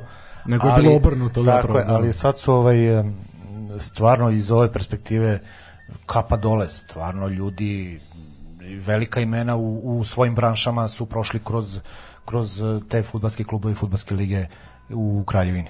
Da. Ovaj, da, pa mislim, ali... Pritom i sami funkcioneri su isto bili ljudi od Naravno. autoriteta u nekom Pa, društvu. naravno, Jer su oni, mislim, oni imali sa sobom neki magnet da privuku potencijalne navijače, da privuku i, i neke finansijere, sponzore, kako god. Jer opet imali smo te situacije da je stvarno bilo otežano raditi pod nekim amaterskim uslovima. Bila je potrebna pomoć što u vidu opreme, što u vidu finansiranja putovanja, odlaska na utakmice. Da. I ti neki, a ajde sad ovako, može jedno, i to je zanimljivo pitanje, sad ti kažeš kod finansiranja, ko su zapravo prvi profesionalni igrači, kad su, oni, kad su igrači počeli da budu plaćeni za to što rade? Ja stvarno nemam tačan podatak, ali uh, oni su na ovaj ili onaj način dobijali neke kompenzacije. E sad, tad sigurno nisu postojali ugovori kod danas i sad da li se to igralo za, za ručak ili za opremu ili za, za neki keš, uh, nemam tačan podatak kada, sigur, i to tvrdim da nisu svi mogli to da dobiju. Znači, Da, da, mislim, to je moglo biti ono krem, mora, da, da krem tako je, moraš da. da, da vrediš da bi te nešto platio da, da bi igrao, ali e, sama em, osnova i e, e, postavka e, egzistencije klubske je em, bazirani su na, na ama- amaterizmu. Sve dalje je nadgradnja, ako se moglo super, ako se nije moglo, to je to i zdravo doveđenje. Da, mislim, pa dobro, imali ste ta svedočenja, na primer, uh, svako ko nije pročitao knjigu ovaj, o Milutinu Šoškiću, Šole, svakako je to jedna preporuka, gde se bavi nekim drugim periodom, a to je već tamo ovaj, 60, 50-ih, 60-ih pa i kasnije, ovaj, u Jugoslaviji, gde i on priča da su u jednom periodu igrali za, za ručak. Naravno, suštini, da, naravno. Čak mogu da tvrdim da, mislim mogu da tvrdim, nisam svedok, ali na osnovu onoga što sam saznao kroz arhivski materijal, e, ništa manje profesionalnije nije e, Partizan kao klub e, u, svojim najboljim danima u, u 66. u finalu kad su bili vice šampioni ništa profesionalnije nisu kao klub funkcionisali e, čuvena je priča o vrlo neozbiljnoj upravi kluba gde se išlo onako Odvojeno, naravno. ofrljer na, na finale gde su se posle rasprodali ili nisu hteli da ne znam za, za Džak Brašna i Bečejac otišao u Olimpiju i tako dalje i tako dalje e, što dovoljno govori uopšte o pristupu gledalo se na to kao ono pikajte loptu ajde tišina tamo i, i Da. hoćeš nećeš ne moraš mnogo je drugačije bilo u, u Kraljevini Jugoslaviji iako je razmak u nekih 30-40 godina bilo jer se drugačije gledalo na to mnogo im je bitnije bilo da, da ti izguraš taj neki, šta ja znam, Bska iz Beograda ili,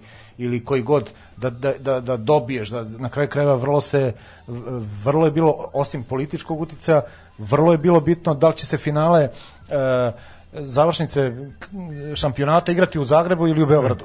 Na, ispalo je i, i, i frka opšta u 30. oko tog premeštaja iz, iz, jer, znaš, centar moći se menja, tu se odnos snaga vrlo menja. Stalo im je ja se opet vraćam na tu eto 66 ko danas normalno može da organizuje finale kupa šampiona da, da, da, da na taj način pristupiš uopšte toj priči kao super bili najbolji a naravno da su bili najbolji u Evropi i naravno da su mogli da, da se prošetuju da samo sve drugačije pričalo upravo zbog toga je mislim da je to glavni razlog što je sam taj pristup 91.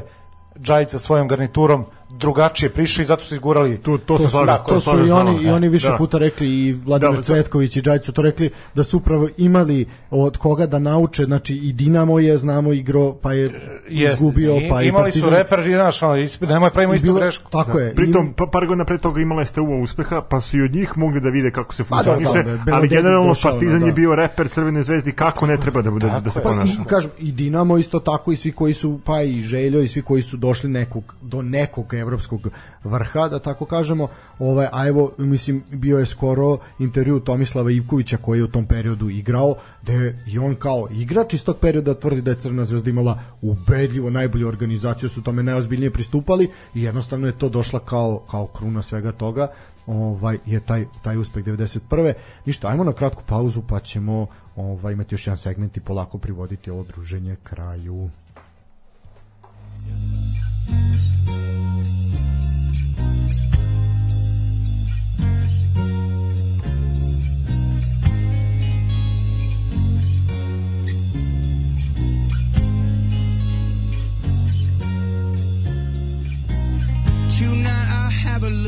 Try to find my face again. Buried beneath this house, my spirit screams and dies again. Out back a monster wears a cloak of Persian leather.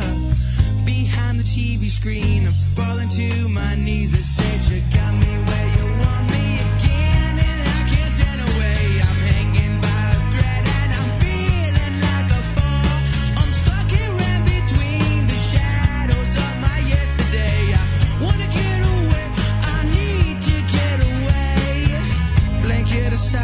makes me wanna sink my teeth in deep. Burn all the evidence of fabricated disbelief. Pull back the curtains, took a look into your eyes. My tongue has now become a platform for your lies. I said you got me where you want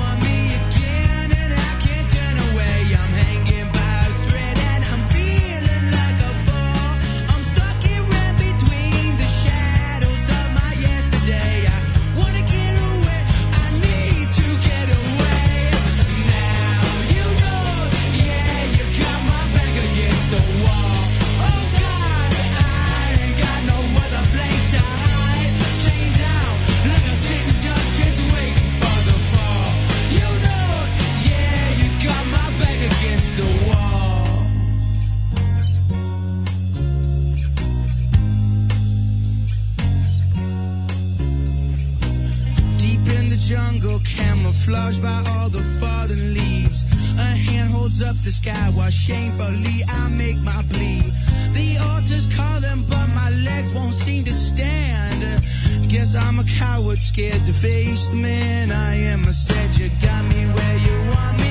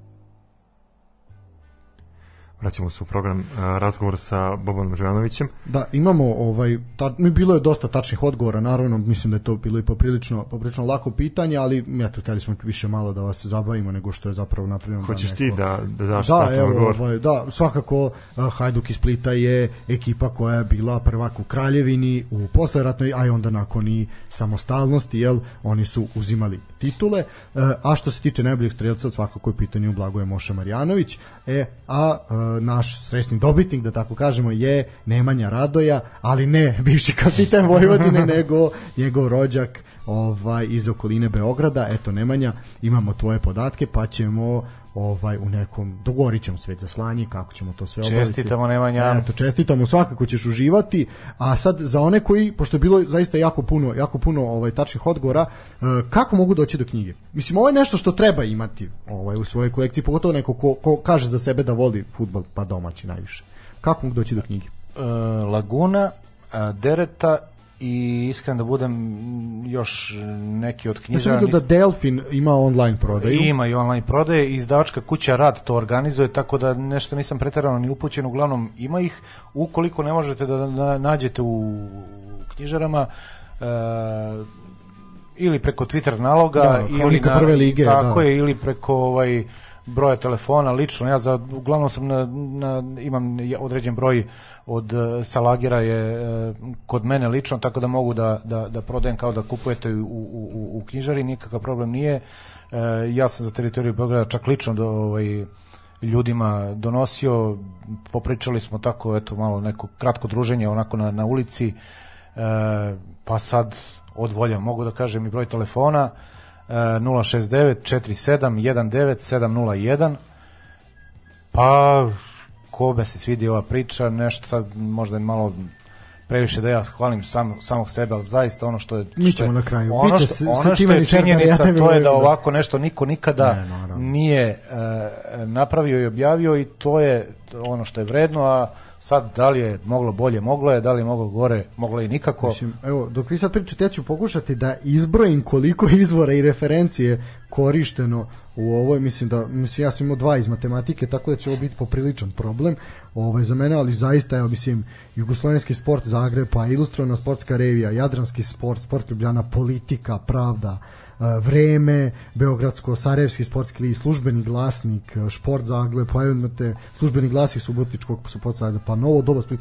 Mislim, onda su to ozbiljno, ozbiljno, ozbiljno Bilo je, e, jedan od izvora je bio čak i website e, e, groblja, gde sa, odakle sam izvlačio To je- to je normalno. morbidno, Ja ali da zaista to da, je izvlačio normalno. sam podatke, pravo ime i prezime, datum rođenja, da, godišnje smrti, pa onda izračunaš koje godine rođen i tako Obzirom da su ti ljudi davno, davno već zaboravljeni, ali eto, nisu zaboravljeni upravo zahvaljujući te Bobane.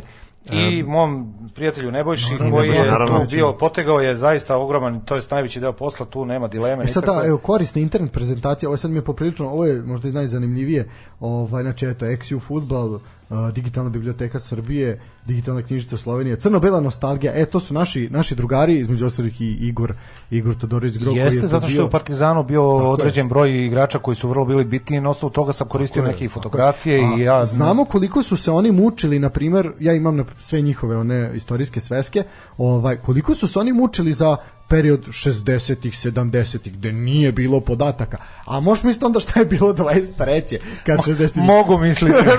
Smo kod toga, e, knjiga obilo je zaista sa dosta fotografija. Svaka časa isto. E, kako si pronalazio fotografije, kako si uspeo da pronađeš ljude na tim fotografijama, ko su, šta su, obzirom da verovatno nisi imao Ili je do to tada... preko spomenika ili E, to već nije bilo, ali cele ploče sam stavljao, da.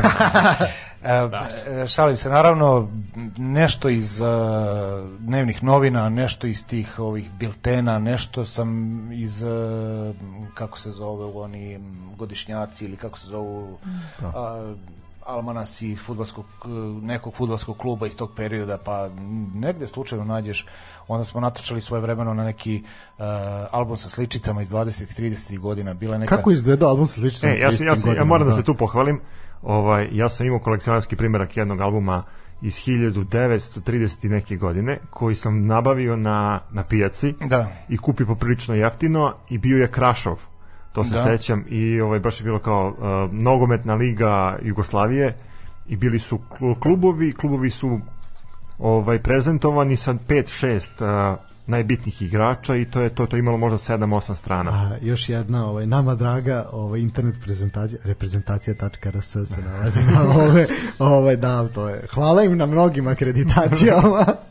Ovaj, ne, zaista. Bilo je ovaj, u, u Beogradu uh, svojevremeno u centru grada na, na, otprilike na mestu današnjeg, to jest današnjeg, pod nasima navoda više ni to ne postoji Beko, znači u samom centru grada fabrika čokolade Šonda se zvala privatna fabrika, čovjek je sponzorisao uh, album i mogu reći vrlo kvalitetan album, vrlo kval- kvalitetne sličice uh, su bile sličice ili fotografije? Sličice, sličice. I ovaj to je išlo u paketu sa čokoladom kao nekad ono životinjsko carstvo, ne znam da li to pamtite.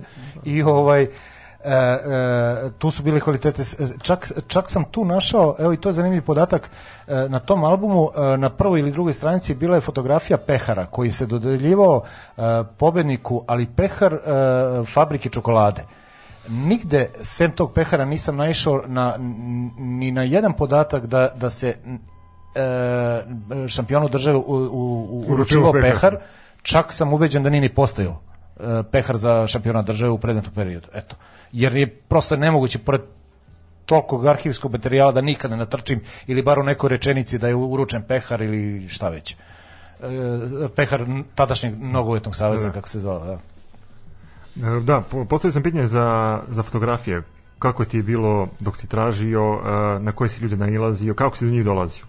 Uh, imao sam sreće, to jest imali smo sreće da, da natrčimo na nekoliko, uh, to jest oni na nas, uh, potomaka tadašnjih futbalera, od kojih smo dobijali određeni broj fotografija iz privatne arhive i ja sam takođe upoznao jednog čovjeka iz Beograda koji se bavi uh, stvarno uh, pokazao mi taj album, ja sam se frapirao koliko je to originalne fotografije iz tog perioda, to je stvarno jedno blago neviđeno fotografije futbalskih igrača i, i, i, i klubova i stadiona i šta već. E, nešto što je, kako bih rekao, e, svaki put kad vidiš e, i ole kvalitetnu fotografiju, jer ja sam e, zbog štampe pokušavao čak i iz novinskih izveštaja kad je bar malo kvalitetnija fotografija da, da ubacim, jer kad se printa knjiga da to ne, ne liči na mrlju, nego da, da liči bar na nešto, ali kad god na- natrčiš na bilo kakvu fotografiju novu ili bolju od onog recimo igrača kog si već imao,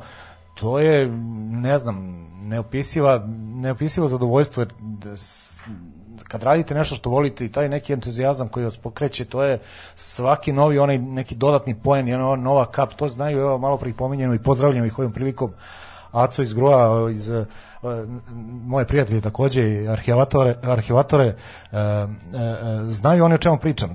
Kad dođeš na novi, na, na novi podatak, na fotografiju, iz koje god priče da, da, da, da ti se da, da ti dođe u, u ruke, to je neverovatno zadovoljstvo, jer ti prelaziš neki prag e, moj kolega Nebojša je e, bio toliko bandoglav u pozitivnom smislu da je uspeo sam da skupi na, na, na volšeban način svako ime i prezime svakog futbolera, bilo ih je e, nešto malo ispod hiljadu koji su bar jedan minut odigrali u, u, u ligama Kraljevine od 23. do 40. I to je neko neverovatno zadovoljstvo da vi imate kompletan uh, spisak svih igrača sa imenom i prezimenom, uključujući one iz, iz najranijih perioda, pa uh, uh, ogroman broj tih igrača sa tog spiska uh, imate i fotografiju njihovu, što je ono kao blago, jer posle četiri godine nekih, ne, neki bruto period sa pauzama koje sam proveo na, na, na ovoj knjizi, vi shvatate na kraju da je to ono vredelo, kažem opet vraćam se, rekao sam pred sat vremena, da mi je neko rekao na početku šta ću, koje vreme i koju energiju da utrošim, verovatno bi bilo da ma u redu je, nema tog ništa. Volim ja to, ali volim ja tebe, ali te ne napadam te. Ne, da ja sad malo ovaj malo listam knjigu i došao sam do jednog zanimljivog ovaj lika ovaj a to je Severin Severin Bjelić ovaj uh, on je ču, sin čuvenog uh, našeg slikara Jovana Bjelića ovaj on je to jedna izuzetno talentovana ličnost pa eto. Bogane možeš nam reći nešto više od njega on je recimo poznat široj javnosti kao kao glumac Čuveni glumac, tako je. Da. E, e, bio je izuzetan sportista, on je momak sa Careve Ćuprije je bio tu je odrastao, čuveni moj otac, bio je veliki sportista, bio je olimpijac, bio je plivač, jedan od pionira vaterpola u, u, u Srbiji u Beogradu. Da igrao i za Zvezdu i za I Partizan. za Zvezdu i Partizan i bio je vrlo svestran čovek i na kraju je široj javnosti ovaj, naravno bio najpoznatiji kao glumac i to je vrlo kvalitetan glumac. E, pored njega, ajde možemo da navedemo, kad smo već počeli, bio je Mile Bogdanović, to stariji, stariji ovaj, slušalci ga znaju kao em, starog počuvenog pevača narodnih izvornih pesama, e, čuveni njegov duel sa Cunetom u nadpevavanju, ne znam ko je više znao pesama, to je trajalo ne znam koliko ovaj, vremena, ja sam bio klinac kad se to dešavalo, ne sjećam se toga, ali um, bilo je mnogo doktora nauka, bilo je mnogo um, e, sveta iz onog e,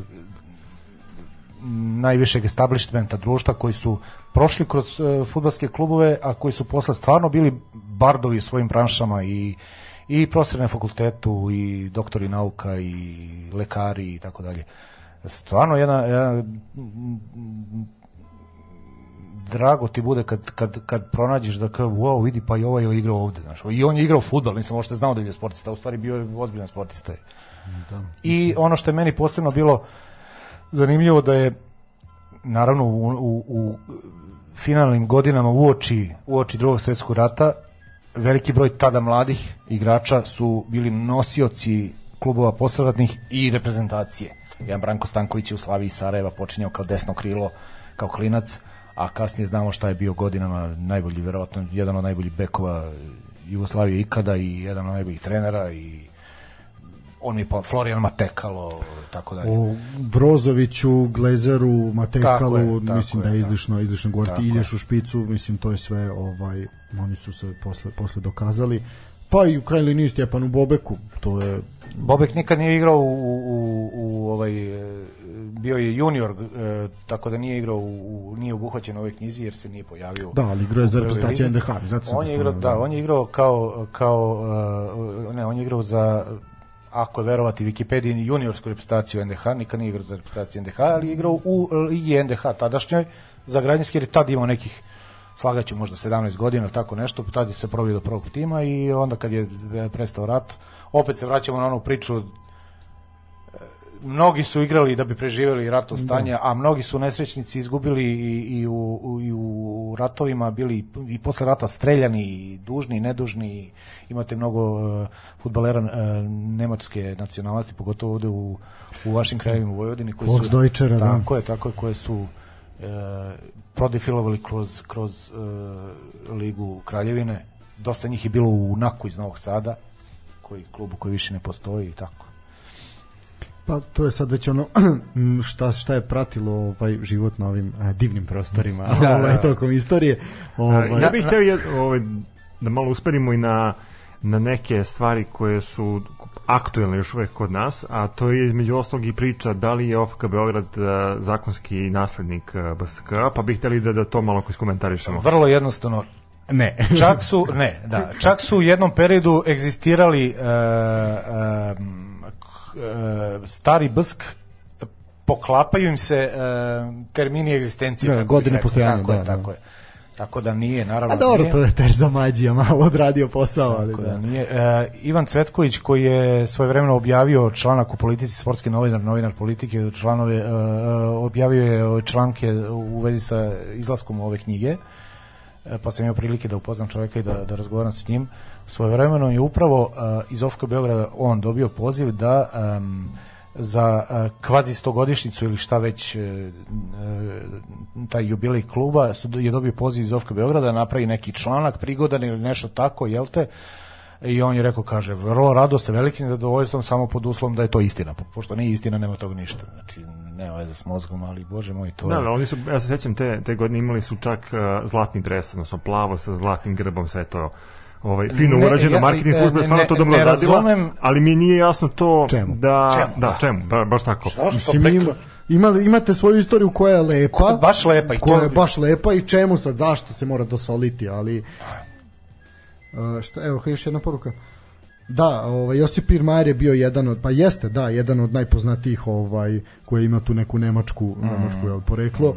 Ovaj da Da, da, da se vratimo na na da, na mislim ovo- da stižu to mi- poruke sada pa pa komentarišemo jer im je to ovaj jako bitno da da jednom za svagda možda i raskrstimo sa sa tim nekim činjenicama Ajde, jer se provlače iz godine u godinu Pa kad, ne, kako ali god se provla- Ofka spomene svima da- da. svi se, sve se priča o tome da, da klub ima jako dugu istoriju da je prešao 100 Ali godina neverovatno je to što, izvini, prekidam te, neverovatno je to što je to vrlo dokazivo.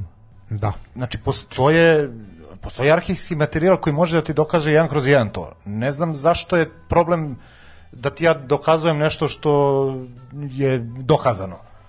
Iznova i iznova i iznova. Zašto? Zato što imaš želju da, da, da, da ti je klub star 100 godina, a nije. Mislim, ne razumem. od klubova koji su trenutno ak- aktivni ovaj, imamo Javi Rezivanjice koji ima poprilično dugu tradiciju imali smo Hajduk iz Kule koji je eto, na kraju završio kako je završio pa dobro da sad se bavi ovaj I to je diskutabilno.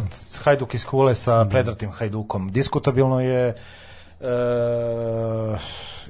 sad mi izvete... TSC? E, pa to pola jeste ali Pa- nisu bili nisu bili elitni klub da to je Da, ali mi mislim na, na tu tradiciju koju da oni jesu to je taj klub to je Znaš, to je to u, da u, uvek navodim Belgiju kao fantastičan primer. Belgija je zemlja, naravno ozbiljna zemlja, i e, Belgija je od redni, jedan od redkih zemalja, mislim da je jedina zemlja u Evropi koja ima e, od početka futbalske igre do danas, od prvog futbalskog kluba, takozvane matrikule, država, odnosno futbalski savez do, dodeljuje službeni broj. Recimo matrikula, službeni broj, registracioni broj, jedan nosi Antwerpen, klub koji danas najstariji, pos- da. I ti e, iz raznoraznih razloga klubovi su se gasili pa su se fuzionisali. Ti tačno po tom službenom broju možeš da znaš ako, ako se dva kluba fuzionišu, da li je e, veći klub usisao manji klub i nastavio da egzistira ili su, ili su dva kluba prestala da postoje i formirala treći klub. I ako je potpuno nov klub pravno gledano, on dobija novi službeni broj, tu matrikulu. I vrlo je jedno, tako mislim, e, jedno, u normalnim državama su u stvari jednostavne jednostavno rade. Kod A mi imamo tu, tu Citirat ću, primer citirat ću jednog čovjeka, niko crvene zvezdi ne može, niko FNP ne može da zabrani kako će se zvati. Tako je, tako Ovo je tako da, mislim, ono, A, mi u znate. E, kad smo kod tog fuzionisanja klubova imamo tu slučaj sa, sa Voždovcem. Oni su tako bili Da. e, Dušanovac, pa onda su se fuzionisali kako je išlo sa nekim manjim klubovima. E, I to je, disku, i, i to je diskutabilno.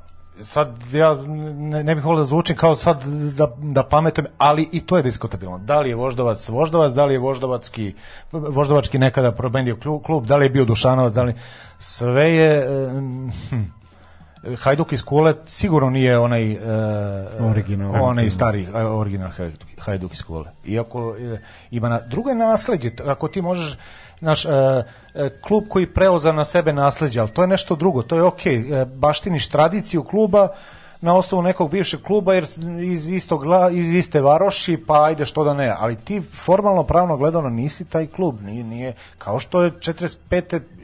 Dinamo je nasledio sve, i boje, i, i igrače, To i nisu teren, taj kraj. ali nisi taj klub jer je taj klub ugašen i osnovan je novi klub, osnovala ga je nova ekipa, nova država, nova ekipa ljudi, mislim.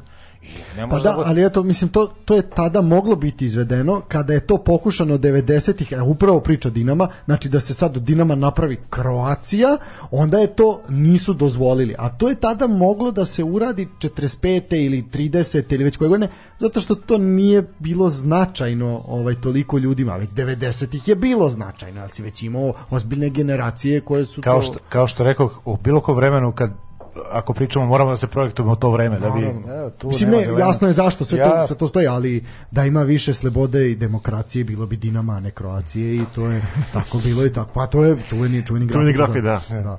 Ovaj, tako da, sve to, sve, zaista sve treba posmatrati iz te neke, iz te neke istorijske perspektive u tom momentu kako je bilo. Mislim, nama je sad lako da pametujemo u dva klika, možemo da nađemo da nađemo sve, ovaj ali ovo je ipak zato vredi imati ovaj ovu knjigu. Ovaj eto još jedanput ovaj čestitamo Nemanji a oni drugi preko interneta ili preko ovaj Twittera preko Delfi knjižara Lagune ovaj ima u Novom Sadu u Laguni ja sam proverio. Ovaj malo ovaj, istraživački novinarstvo je palo. Ovaj tako da se zaista zaista može eh, nabaviti ovaj u suštini. Moramo polako da privodimo privodimo ovo druženje druženje kraju. Uh, u suštini, da li imaš neko pitanje, neko, neko ima U, pa nešto? imali bi pitanja, ali nemamo vremena. Da, puca još nešto, ajde još nešto, da Pa čovjek ne, ono, izmorimo mislim, maksimalno. Dok... kad smo, kad smo kod toga i već ono osnivanja prvih klubova, uh, mene zanima koji su prvi klubovi kod nas osnovani, to znamo za Soku i Šumadiju, koji su 903. je li tako? Da. A imamo Bačku koja je, u Subotice koja je Ali u 901. tom momentu član Da, da član Austro-Ugarske, da, da. mislim. Ali e, ne samo što je član Austrougarske, nego što e, samo trenutak da nađem. E, evo prvi pasus u uvodu knjige, ako mogu da pročitam. E, kao što rekao malo pre, i to je diskutabilno. U, u, u Subotici koja se nalazila koja se tada nalazila na teret, e, pardon, koja se nalazila na teritoriji tadašnje austrougarske monarhije 1878. godine osnovan je e, Sabatka i Sport Edgelet. To u prevodu znači Subotičko sportsko društvo. A u okviru ovog društva je 1898. godine formirana fudbalska sekcija. To je prvi fudbalski klub osnovan na prostorima e, Jugoslavije. Znači na, na kasnije na prostorima Jugoslavije. E, tri godine kasnije, 1901. E, pojedini igrači ovog kluba su istupili iz članstva i odmah su osnovali novi klub. Bačka, Sabatka i Atletika i klub, današnja Bačka 1901. Zašto je disko, diskutabilno? Pa je Bačka sad prva ako su iz ovog prethodnog kluba e, istupili i posnovali Bačku? Može se reći da je prva na teritoriji e, na, e, iz nekog grada koji je pripadao teritoriji Jugoslavije naknadno. Ali nije prvi klub je, i klub jer je i ovaj klub iz Subotice, je li tako? Dobro, tako, da. da li se može onda reći da je sad Bačka, na, FK Bačka 1901 postoji i dalje. Znači, da li je to najstariji aktivni Aktiv, mo, moglo bi se tako nešto Mislim, to je ono pitanje Sheffielda i Notts County-a, ono šta je starije, da. Tako je, Sheffield FC i Notts County. Da, da, ovo Notts County je najstariji ak, aktivni. a ovo je, da, da, Da. Hoću da kažem, e, naravno da zavisi kako se gleda, ali ako pričamo o činjenicama, aj sad da smo neki pravnici pa da sad to e, presuđujemo i da donosimo konačnu odluku sa sve onim udarcem Čekića u sto, da vome, ovaj, e, moralo bi to dobro da se da se polemiše pot, i potkoje ovim materijalom i, i nekim arhivskim materijalom jer realno gledano ako ti osneš klub iz nekog već postojećeg kluba a istupio si članovi društva sad nas trojica smo članovi nekog kluba istupili i osnovimo klub. I taj klub i dan danas živi a onaj iz kog smo istupili prestao da postoji pa mislim jesmo mi najstariji ali nismo najstariji ikada jel tako Da. tako da A na teritoriji Kraljevine, sad ovo Austrugarska je Austrugarska, ali u tom momentu na... Pa to su ovi, e, sad ne znam tačnu datum, ali evo taj Soko, Šumadija kod nas, tamo e, Hašk, e, Zagreba i tako dalje. Ima, čak sam takođe u uvodu naveo ove aktivne prvoligaše koje, kako osnima, nisam naveo sve, ali sam naveo prvoligaše, sad ne mogu da, evo ga, redom su osnovne e, Hašk i Soko e, 1903. Zatim srednjoškolski šport klub kasnije Konkordija iz Zagreba 1906. Viktorija Zagreb 1907. Đački sport klub e, kasnije Slavija Sarajevo 1908. Pa NAK Novi Sad Sašk i pa 11. Blski građanski Hajduk Ilirija i tako dalje. Čak na grbu, kad već pomenuh Iliriju, na grbu Olimpije današnje, koja nema veze sa onom Olimpijom Uh, i to nogometni savez Slovenije jasno i glasno Oni to, e, da, razdvaja ih, da. ali oni imaju gr na grbu 1911. što je godina osnivanja Ilirije koja je, može se reći da je neka vrsta preteča, ali to taj klub nije, nema, nema, Nema veze. ne. nema veze. Da, ba, mislim ovde uvek je to ta tendencija da se nekako prisvoji ono naš kao to je sad to pitanje evo možemo sad tebe kao neko ko može se naz- nazove ovaj legitimno hroničarem ovaj prve lige i uopšte fu- fudbala i sporta ovde kako ti gledaš na to prisvajanje titule 46. ovaj da li je to, da li je to ovaj, koliko je to legitimno, nije legitimno s obzirom da je istu stvar što je uradila ovde Crna zvezda uradio Hajduk znači isto se igralo po sličnom sistemu kao ovo što je znači po tim nekim državama jel, već Banovinama, regionima, da. banovinama sad nije ni bitno kako nazoveš ali po regionima i onda se na kraju igralo završno E, ajde ovako, e, reprezentacija Srbije je sad e, igra kvalifika- kvali- kvalifikacije za svetsko prvenstvo. Svetsko prvenstvo. u Kataru da. I recimo osvojimo prvo mesto u grupi. Dobro. Jesmo prvaci sveta? Tačka. Lepo rečeno. Le, ne, nema šta. Te pokušam da napravim pitanje, nema šta se. Pa ne mislim. Pa jasno, mislim, nema ljudi, šta, ajde. da. mislim, da- Ali dobro, to je sad opet, opet ta neka, mislim, ajde sad mi ovo se pričamo, ovo je period, znači od pre skoro 80 i 90 godina. Mene jako zanima kako će to kako će neko o ovom periodu koji mi sada dokumentujemo, pa čak i u našoj ovoj emisiji, kako će neko pričati za jedno 50, 60, 70 godina. Krstit će se, verovatno će se krstiti. Ovaj tako mislim ajde to je to je negde negde ovaj neka i poenta za to ovaj radimo. Mi smo jako ponosni pre što smo tu prošlu sezonu koja je tako ludačka bila Da. kako jeste, ovaj zaista dokumentovali iz nedelje u nedelju iz kola u kolo da negde stoji audio zapisa naših I loših kapa dole na tome, pazi, koliko god je ovaj liga, kakva god da je naša je, tu nema priče i taj fudbal kakav god da je jadan naš je i greota bi bilo da se to ne isprati. Znači, ili, ili ga gasi, ako već postoji, daj da vidimo ako može da bude bolji, da se menja, ne znam, manj, smanji broj klubova i da se infrastruktura poboljšava i da se 300 drugih đavola ovaj, proba da se uradi, ali ako već postoji kako postoji, daj da ispratimo. I, I vi između ostalog to što radite, svaka čast tome, jednostavno, danas na ulici, evo sad izađemo da sretamo ne znam koliko ljudi neće znati da na, ne, ne, koliko klubova igra u, u, u ligi, a ne koji su klubovi. Koji, Dobro, to je već teško pitanje i za nas. Pa ne, hoću, znamo hoću da, se kažem, meni ne prati se jer je da. kvalitet nizak i to je što je i onda ajde, bar je vaš entuzijazam za svakog pohvalu. A, da, sad smo došli do onog dela emisije kad ide ti meni serdar. Da, da, ja tebe Vojvodina, da, da. Ja tebe ovaj, Vojvodina. da, da, da. Ovaj, tako da, mislim svakako, a dobro, to ćemo sa završnu reč, ćemo ostaviti naše hvale prema tebi i Da, prema da. knjizi. Ovaj, evo jedno pitanje, je šta se desilo sa našim krilima iz Zemuna? To je jedno od jačih imena za fudbalski klub, možda i onako Pa zanimljivo. klasičan, klasičan uh, uh, klub po, uh, nije to bio slučaj samo u Jugoslaviji i u Bugarskoj je bilo i u, i u komunističkim zemljama drugim i u Češkoj i u Albaniji.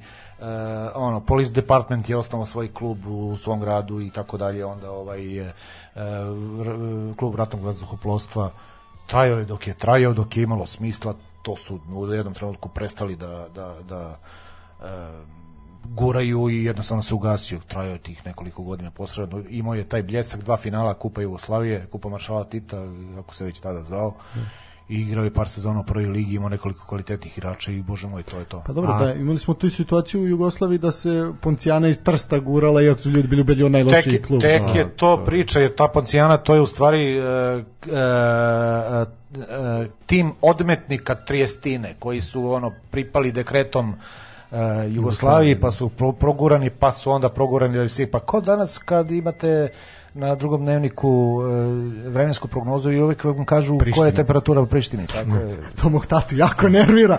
Ovo je, mislim, ono tako kao se da- ono gurala Poncijana jer Trst je naš i onda ajde Da, guraj. mislim, ljudi su bili ubedljivo zadnji, ono dve godine zadnji. Ne, nisu bili zadnji, nego stvarno su bili loši. katastrofa. Ali ste imali situaciju u Trstu da vam jedan vikend gostuje Partizan, a dan sledeći vikend dođe Roma, razumeš? Inače, taj trst je bio povoljan za gostovanje jer su mnogi znali da ovaj, zapale iz zemlje, nekoliko poznatih futbolera je pobeglo iz zemlje iz ondašnje komunističke Jugoslavije i otisno, ba- otisnulo se svet. A pa da, ovaj, Recimo. da, ali dobro, eto, naš, a, da, sad, vi ste kažete da nije valjalo, da to sad ljudi beže iz države, kao da sad ljudi beže isto iz države, nemojte, tako ovde su, sunce tuđeg neba ne greje kao ovo naše. Ja samo pričam o činjenicama, ja, ja sam statističar, molim lepo.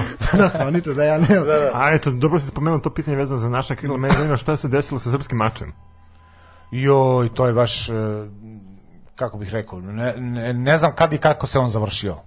Postoje dok je postojao, to je, to je jedan od pionira, to je sve što je vuklo, znaš, to su ono počeci, prapočeci futbala kod nas.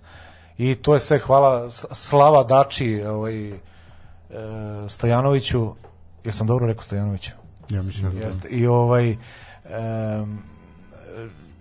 on je to čovjek guro kako je taj e, kako je uopšte uspeo koliko je on bio moćan, koliko je on bio liko je on nekoliko klubova izgurao, on je bio i u upravama, nekoliko klubova osnovao, on je kako je sve stizao Beograd, Kragujevac, e, ne znam, svaka mu čast, stvarno je bio figura par excellence. koliko je on zapravo bio, što kažeš, moćan u tom periodu Da, da. i koliko financija je zapravo onda imao, mislim što je u O tom- tome da ne pričamo. Da, mislim što je u tom, za, te, za taj period i za to vreme zaista onako Ne znam, kruži neki mitovi kad, kad je on u pitanju da je do nekih stvari dolazilo razmimoilaženjem i onda kako je on izlazi iz jednog kluba osnivao je drugi. pazi, verovatno da ima istina, ali da pričamo, ako pričamo o mitovima, pa, pa ti sad imaš mitove šta se dešava u Partizanu i Zvezdi, ti sad možda pričamo o tome, znaš, ono, šta je ko čuje, da li je istina, da li nije istina. Tako da, je pitanje, je li Franja Tuđman bio predsjednik Partizana? Ne. E, neću da, neću da nerviram Znači, ovaj... Ne, nije bio, to smo ono, dokazali isto 80.000 puta A, ili već tako neke gluposti, ono, da ono Dal Arkan je išao tunelom od svoje vile do Znaš kako ja to volim, Nije, ja mislim, volim da. kažem to, ako ti hoćeš da veruješ da je nebo karirano, ja te ne mogu ubediti da nije, mislim. Pa da, mislim, ono izlišno je čak i ubeđivati, ono zaista nema nikakve poente ni smisla. Uh, da, što se tiče ovoga svega što smo rekli, da, uh, moram pozdraviti naše drugare s kojima smo eto stupili u kontakt.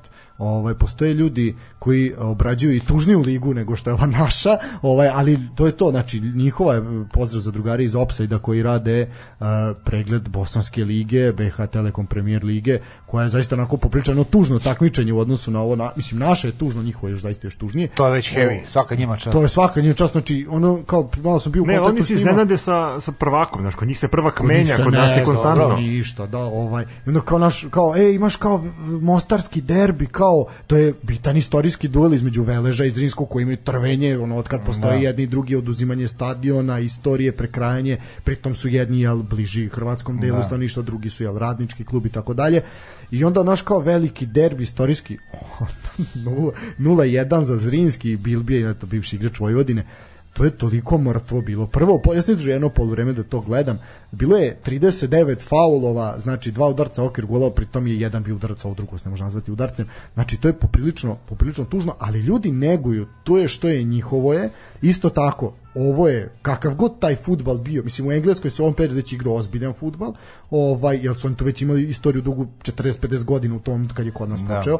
Zato da ovo je jedno jako bitno, bitno delo i kapitalno i zbog čega sam se ja i odlučio da te pozovem u emisiju, jer je bitno da se ovako ne, za ovako nešto čuje i da ovako koma, kao što su svi imali onaj ovaj kućni lekar, ovaj znaš ono da sad Da, možda da, ko je da, da. da, znaš na šta mislim. Doktor Kostić. Da, da, ovaj o, tako da i ovo je bitno da se ima jer ovo je zaista komad istorije, komad uh, jednog dela istorije koji nije toliko osvetljen kao recimo 60, 70 i 80 iako čak i tu je iz, onako pitanje Evo, šta samo, se može naći. Samo da se nadovežem na to, uh, sam završetak filma pominjali smo ga Montevideo, e, scena kada Đuza Stojiljković kaže nešto u stilu e, bilo bi greota da se ne zaboravi ili da se ne zapamti, ili nešto tako. tako je, da. Eto, mislim da je to naj, naj, najpametnije što mogu da kažem u vezi sa ovom knjigom.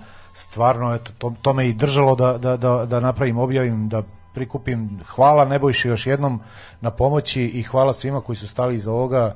E, drago mi je što ne bih volao da se da budem sad hvalisav, ali zaista ni, ni, e, istraživajući materijal shvatio sam da niko nikada nešto ovako nije objavio i to mi je satisfakcija samo po sebi. Apsolutno, ovaj zaista zaista svaka čast i kapa dole i ovo je jedno zaista kapitalno delo koje će svoju veličinu tek pokazati kroz vreme koje dolazi kroz tek neki period vjerojatno 10, 15, 20, 30 godina, možda i kad nas više tu ne bude bilo, Da. ali će ostati da je neko sve to skupio, jer realno je sad sad već je vreme i u periodu kad se ti ovo sve istraživao je već vreme kad se pada sve u zaborav Da, u tom periodu i je. gube se podaci, znači je. jako, jako teško bi, za 10 godina bi jako teško bilo doći do, do svega toga. Znači, ovo je sad i odlična polazna osnova za neke mlađe generacije i od nas, od tebe svakako, a i od, na, i od tebe i ti si isto Stefane Mator, ovaj, znači od mene, ja sam da najmlađi, ovaj, koje će za 20, 30, 50 godina reći e, pa ja sam slušao neku dvojicu, znaš kao ima tamo negde u nekim krajevima mračnim interneta, nisu nešto duhoviti, ovaj jedan razlači, ovaj drugi je srbijanac, ali ovaj, ali da kao pričali su o nekom futbalu koji se tu igrao radnik koji su Urdulic, da je Milan Makarić bio najbolji strelac lige, da. nego kao daj da istražim nešto. To je to je donekle poenta, zato je svaka čast naravno iz Grow i i ovaj jaci i mislim svima koji rade za crno-belu nostalgiju, svakako i tebi Bobana, ovo je nešto, nešto zašto da je Toma Nikolić predsjednik vi bi dobili orden. Hvala ti, hvala. Sad ide onaj deo kad vi nas hvalite. Pa da. da, da, tako smo se dogovorili. Ne, ovaj, hvala, hvala zaista i na poklonu ovaj, i svakako slušalac koji je osvojio, da tako kažemo, knjigu, biće, biće zaista oduševljen. Mi bismo o ovome mogli da raspredamo sad satima. Meni je Ovaj, nevjerojatno brzo prošlo, da. uživo sam i ajde, Mislim svakako ćemo vas zvati, zvati ponovo da dođemo, mislim ovo je ovo je nešto o čemu se zaista može pričati, ima toliko toliko stvari koje se mogu reći, ali nek smo makar zagolica. za jedno 20 godina kad budem iz Lapove već ja da pričam, pa sve pogrešno, znaš, ovi su ostavili hiljadu i. Da bude zanimljivija emisija. da, da, da. Ovaj, Baš tako. da, onda ćemo imati još jednog gosta, to je onaj Nemac što sakriva stvari po kući, ovaj, da, Tako je, to će tako je. biti onda dosta popričati, pošto nas on već sad hvata, ovaj, tako da će biti jako zanimljivo. Uh, u suštini, ljudi, imate evropske duele uh, Partizana i Crvene zvezde, imate našu ligu, ABA liga se zakuvava, počinju takmičenja i u Evrokupu, Euroligi, Uh, sve ono naravno što je zanimljivo. Imate ovaj vikend trku u Ostinu, u Teksasu, Formula 1 to će biti poprilično zanimljivo, odvojica se kolju isto za titulu, tako da bogat sportski sadržaj, reprezent- reprezentacije su otišle na mesec dana, hvala dragom Bogu, možemo končno da uživamo u futbalu dobrom, ne tu gledam reprezentaciju. Sve do prenos Namibija, ekvatorijalna Gvineja, došlo mi da se obesim, znači ono, još je Mozart sponsor, aj prekinite više iskačete iz frižidera. Ovaj ništa, Bobane, tebi zaista hvala, od mene toliko, Stefan. Hvala vama obojici, pozdrav svima i stvarno bilo mi je, ovo, baš sam uživao. Eto, to je bilo to za večerasnje izdanje sportskog pozdrava. Uh, slušamo se narednog puta, do tada sportski pozdrav.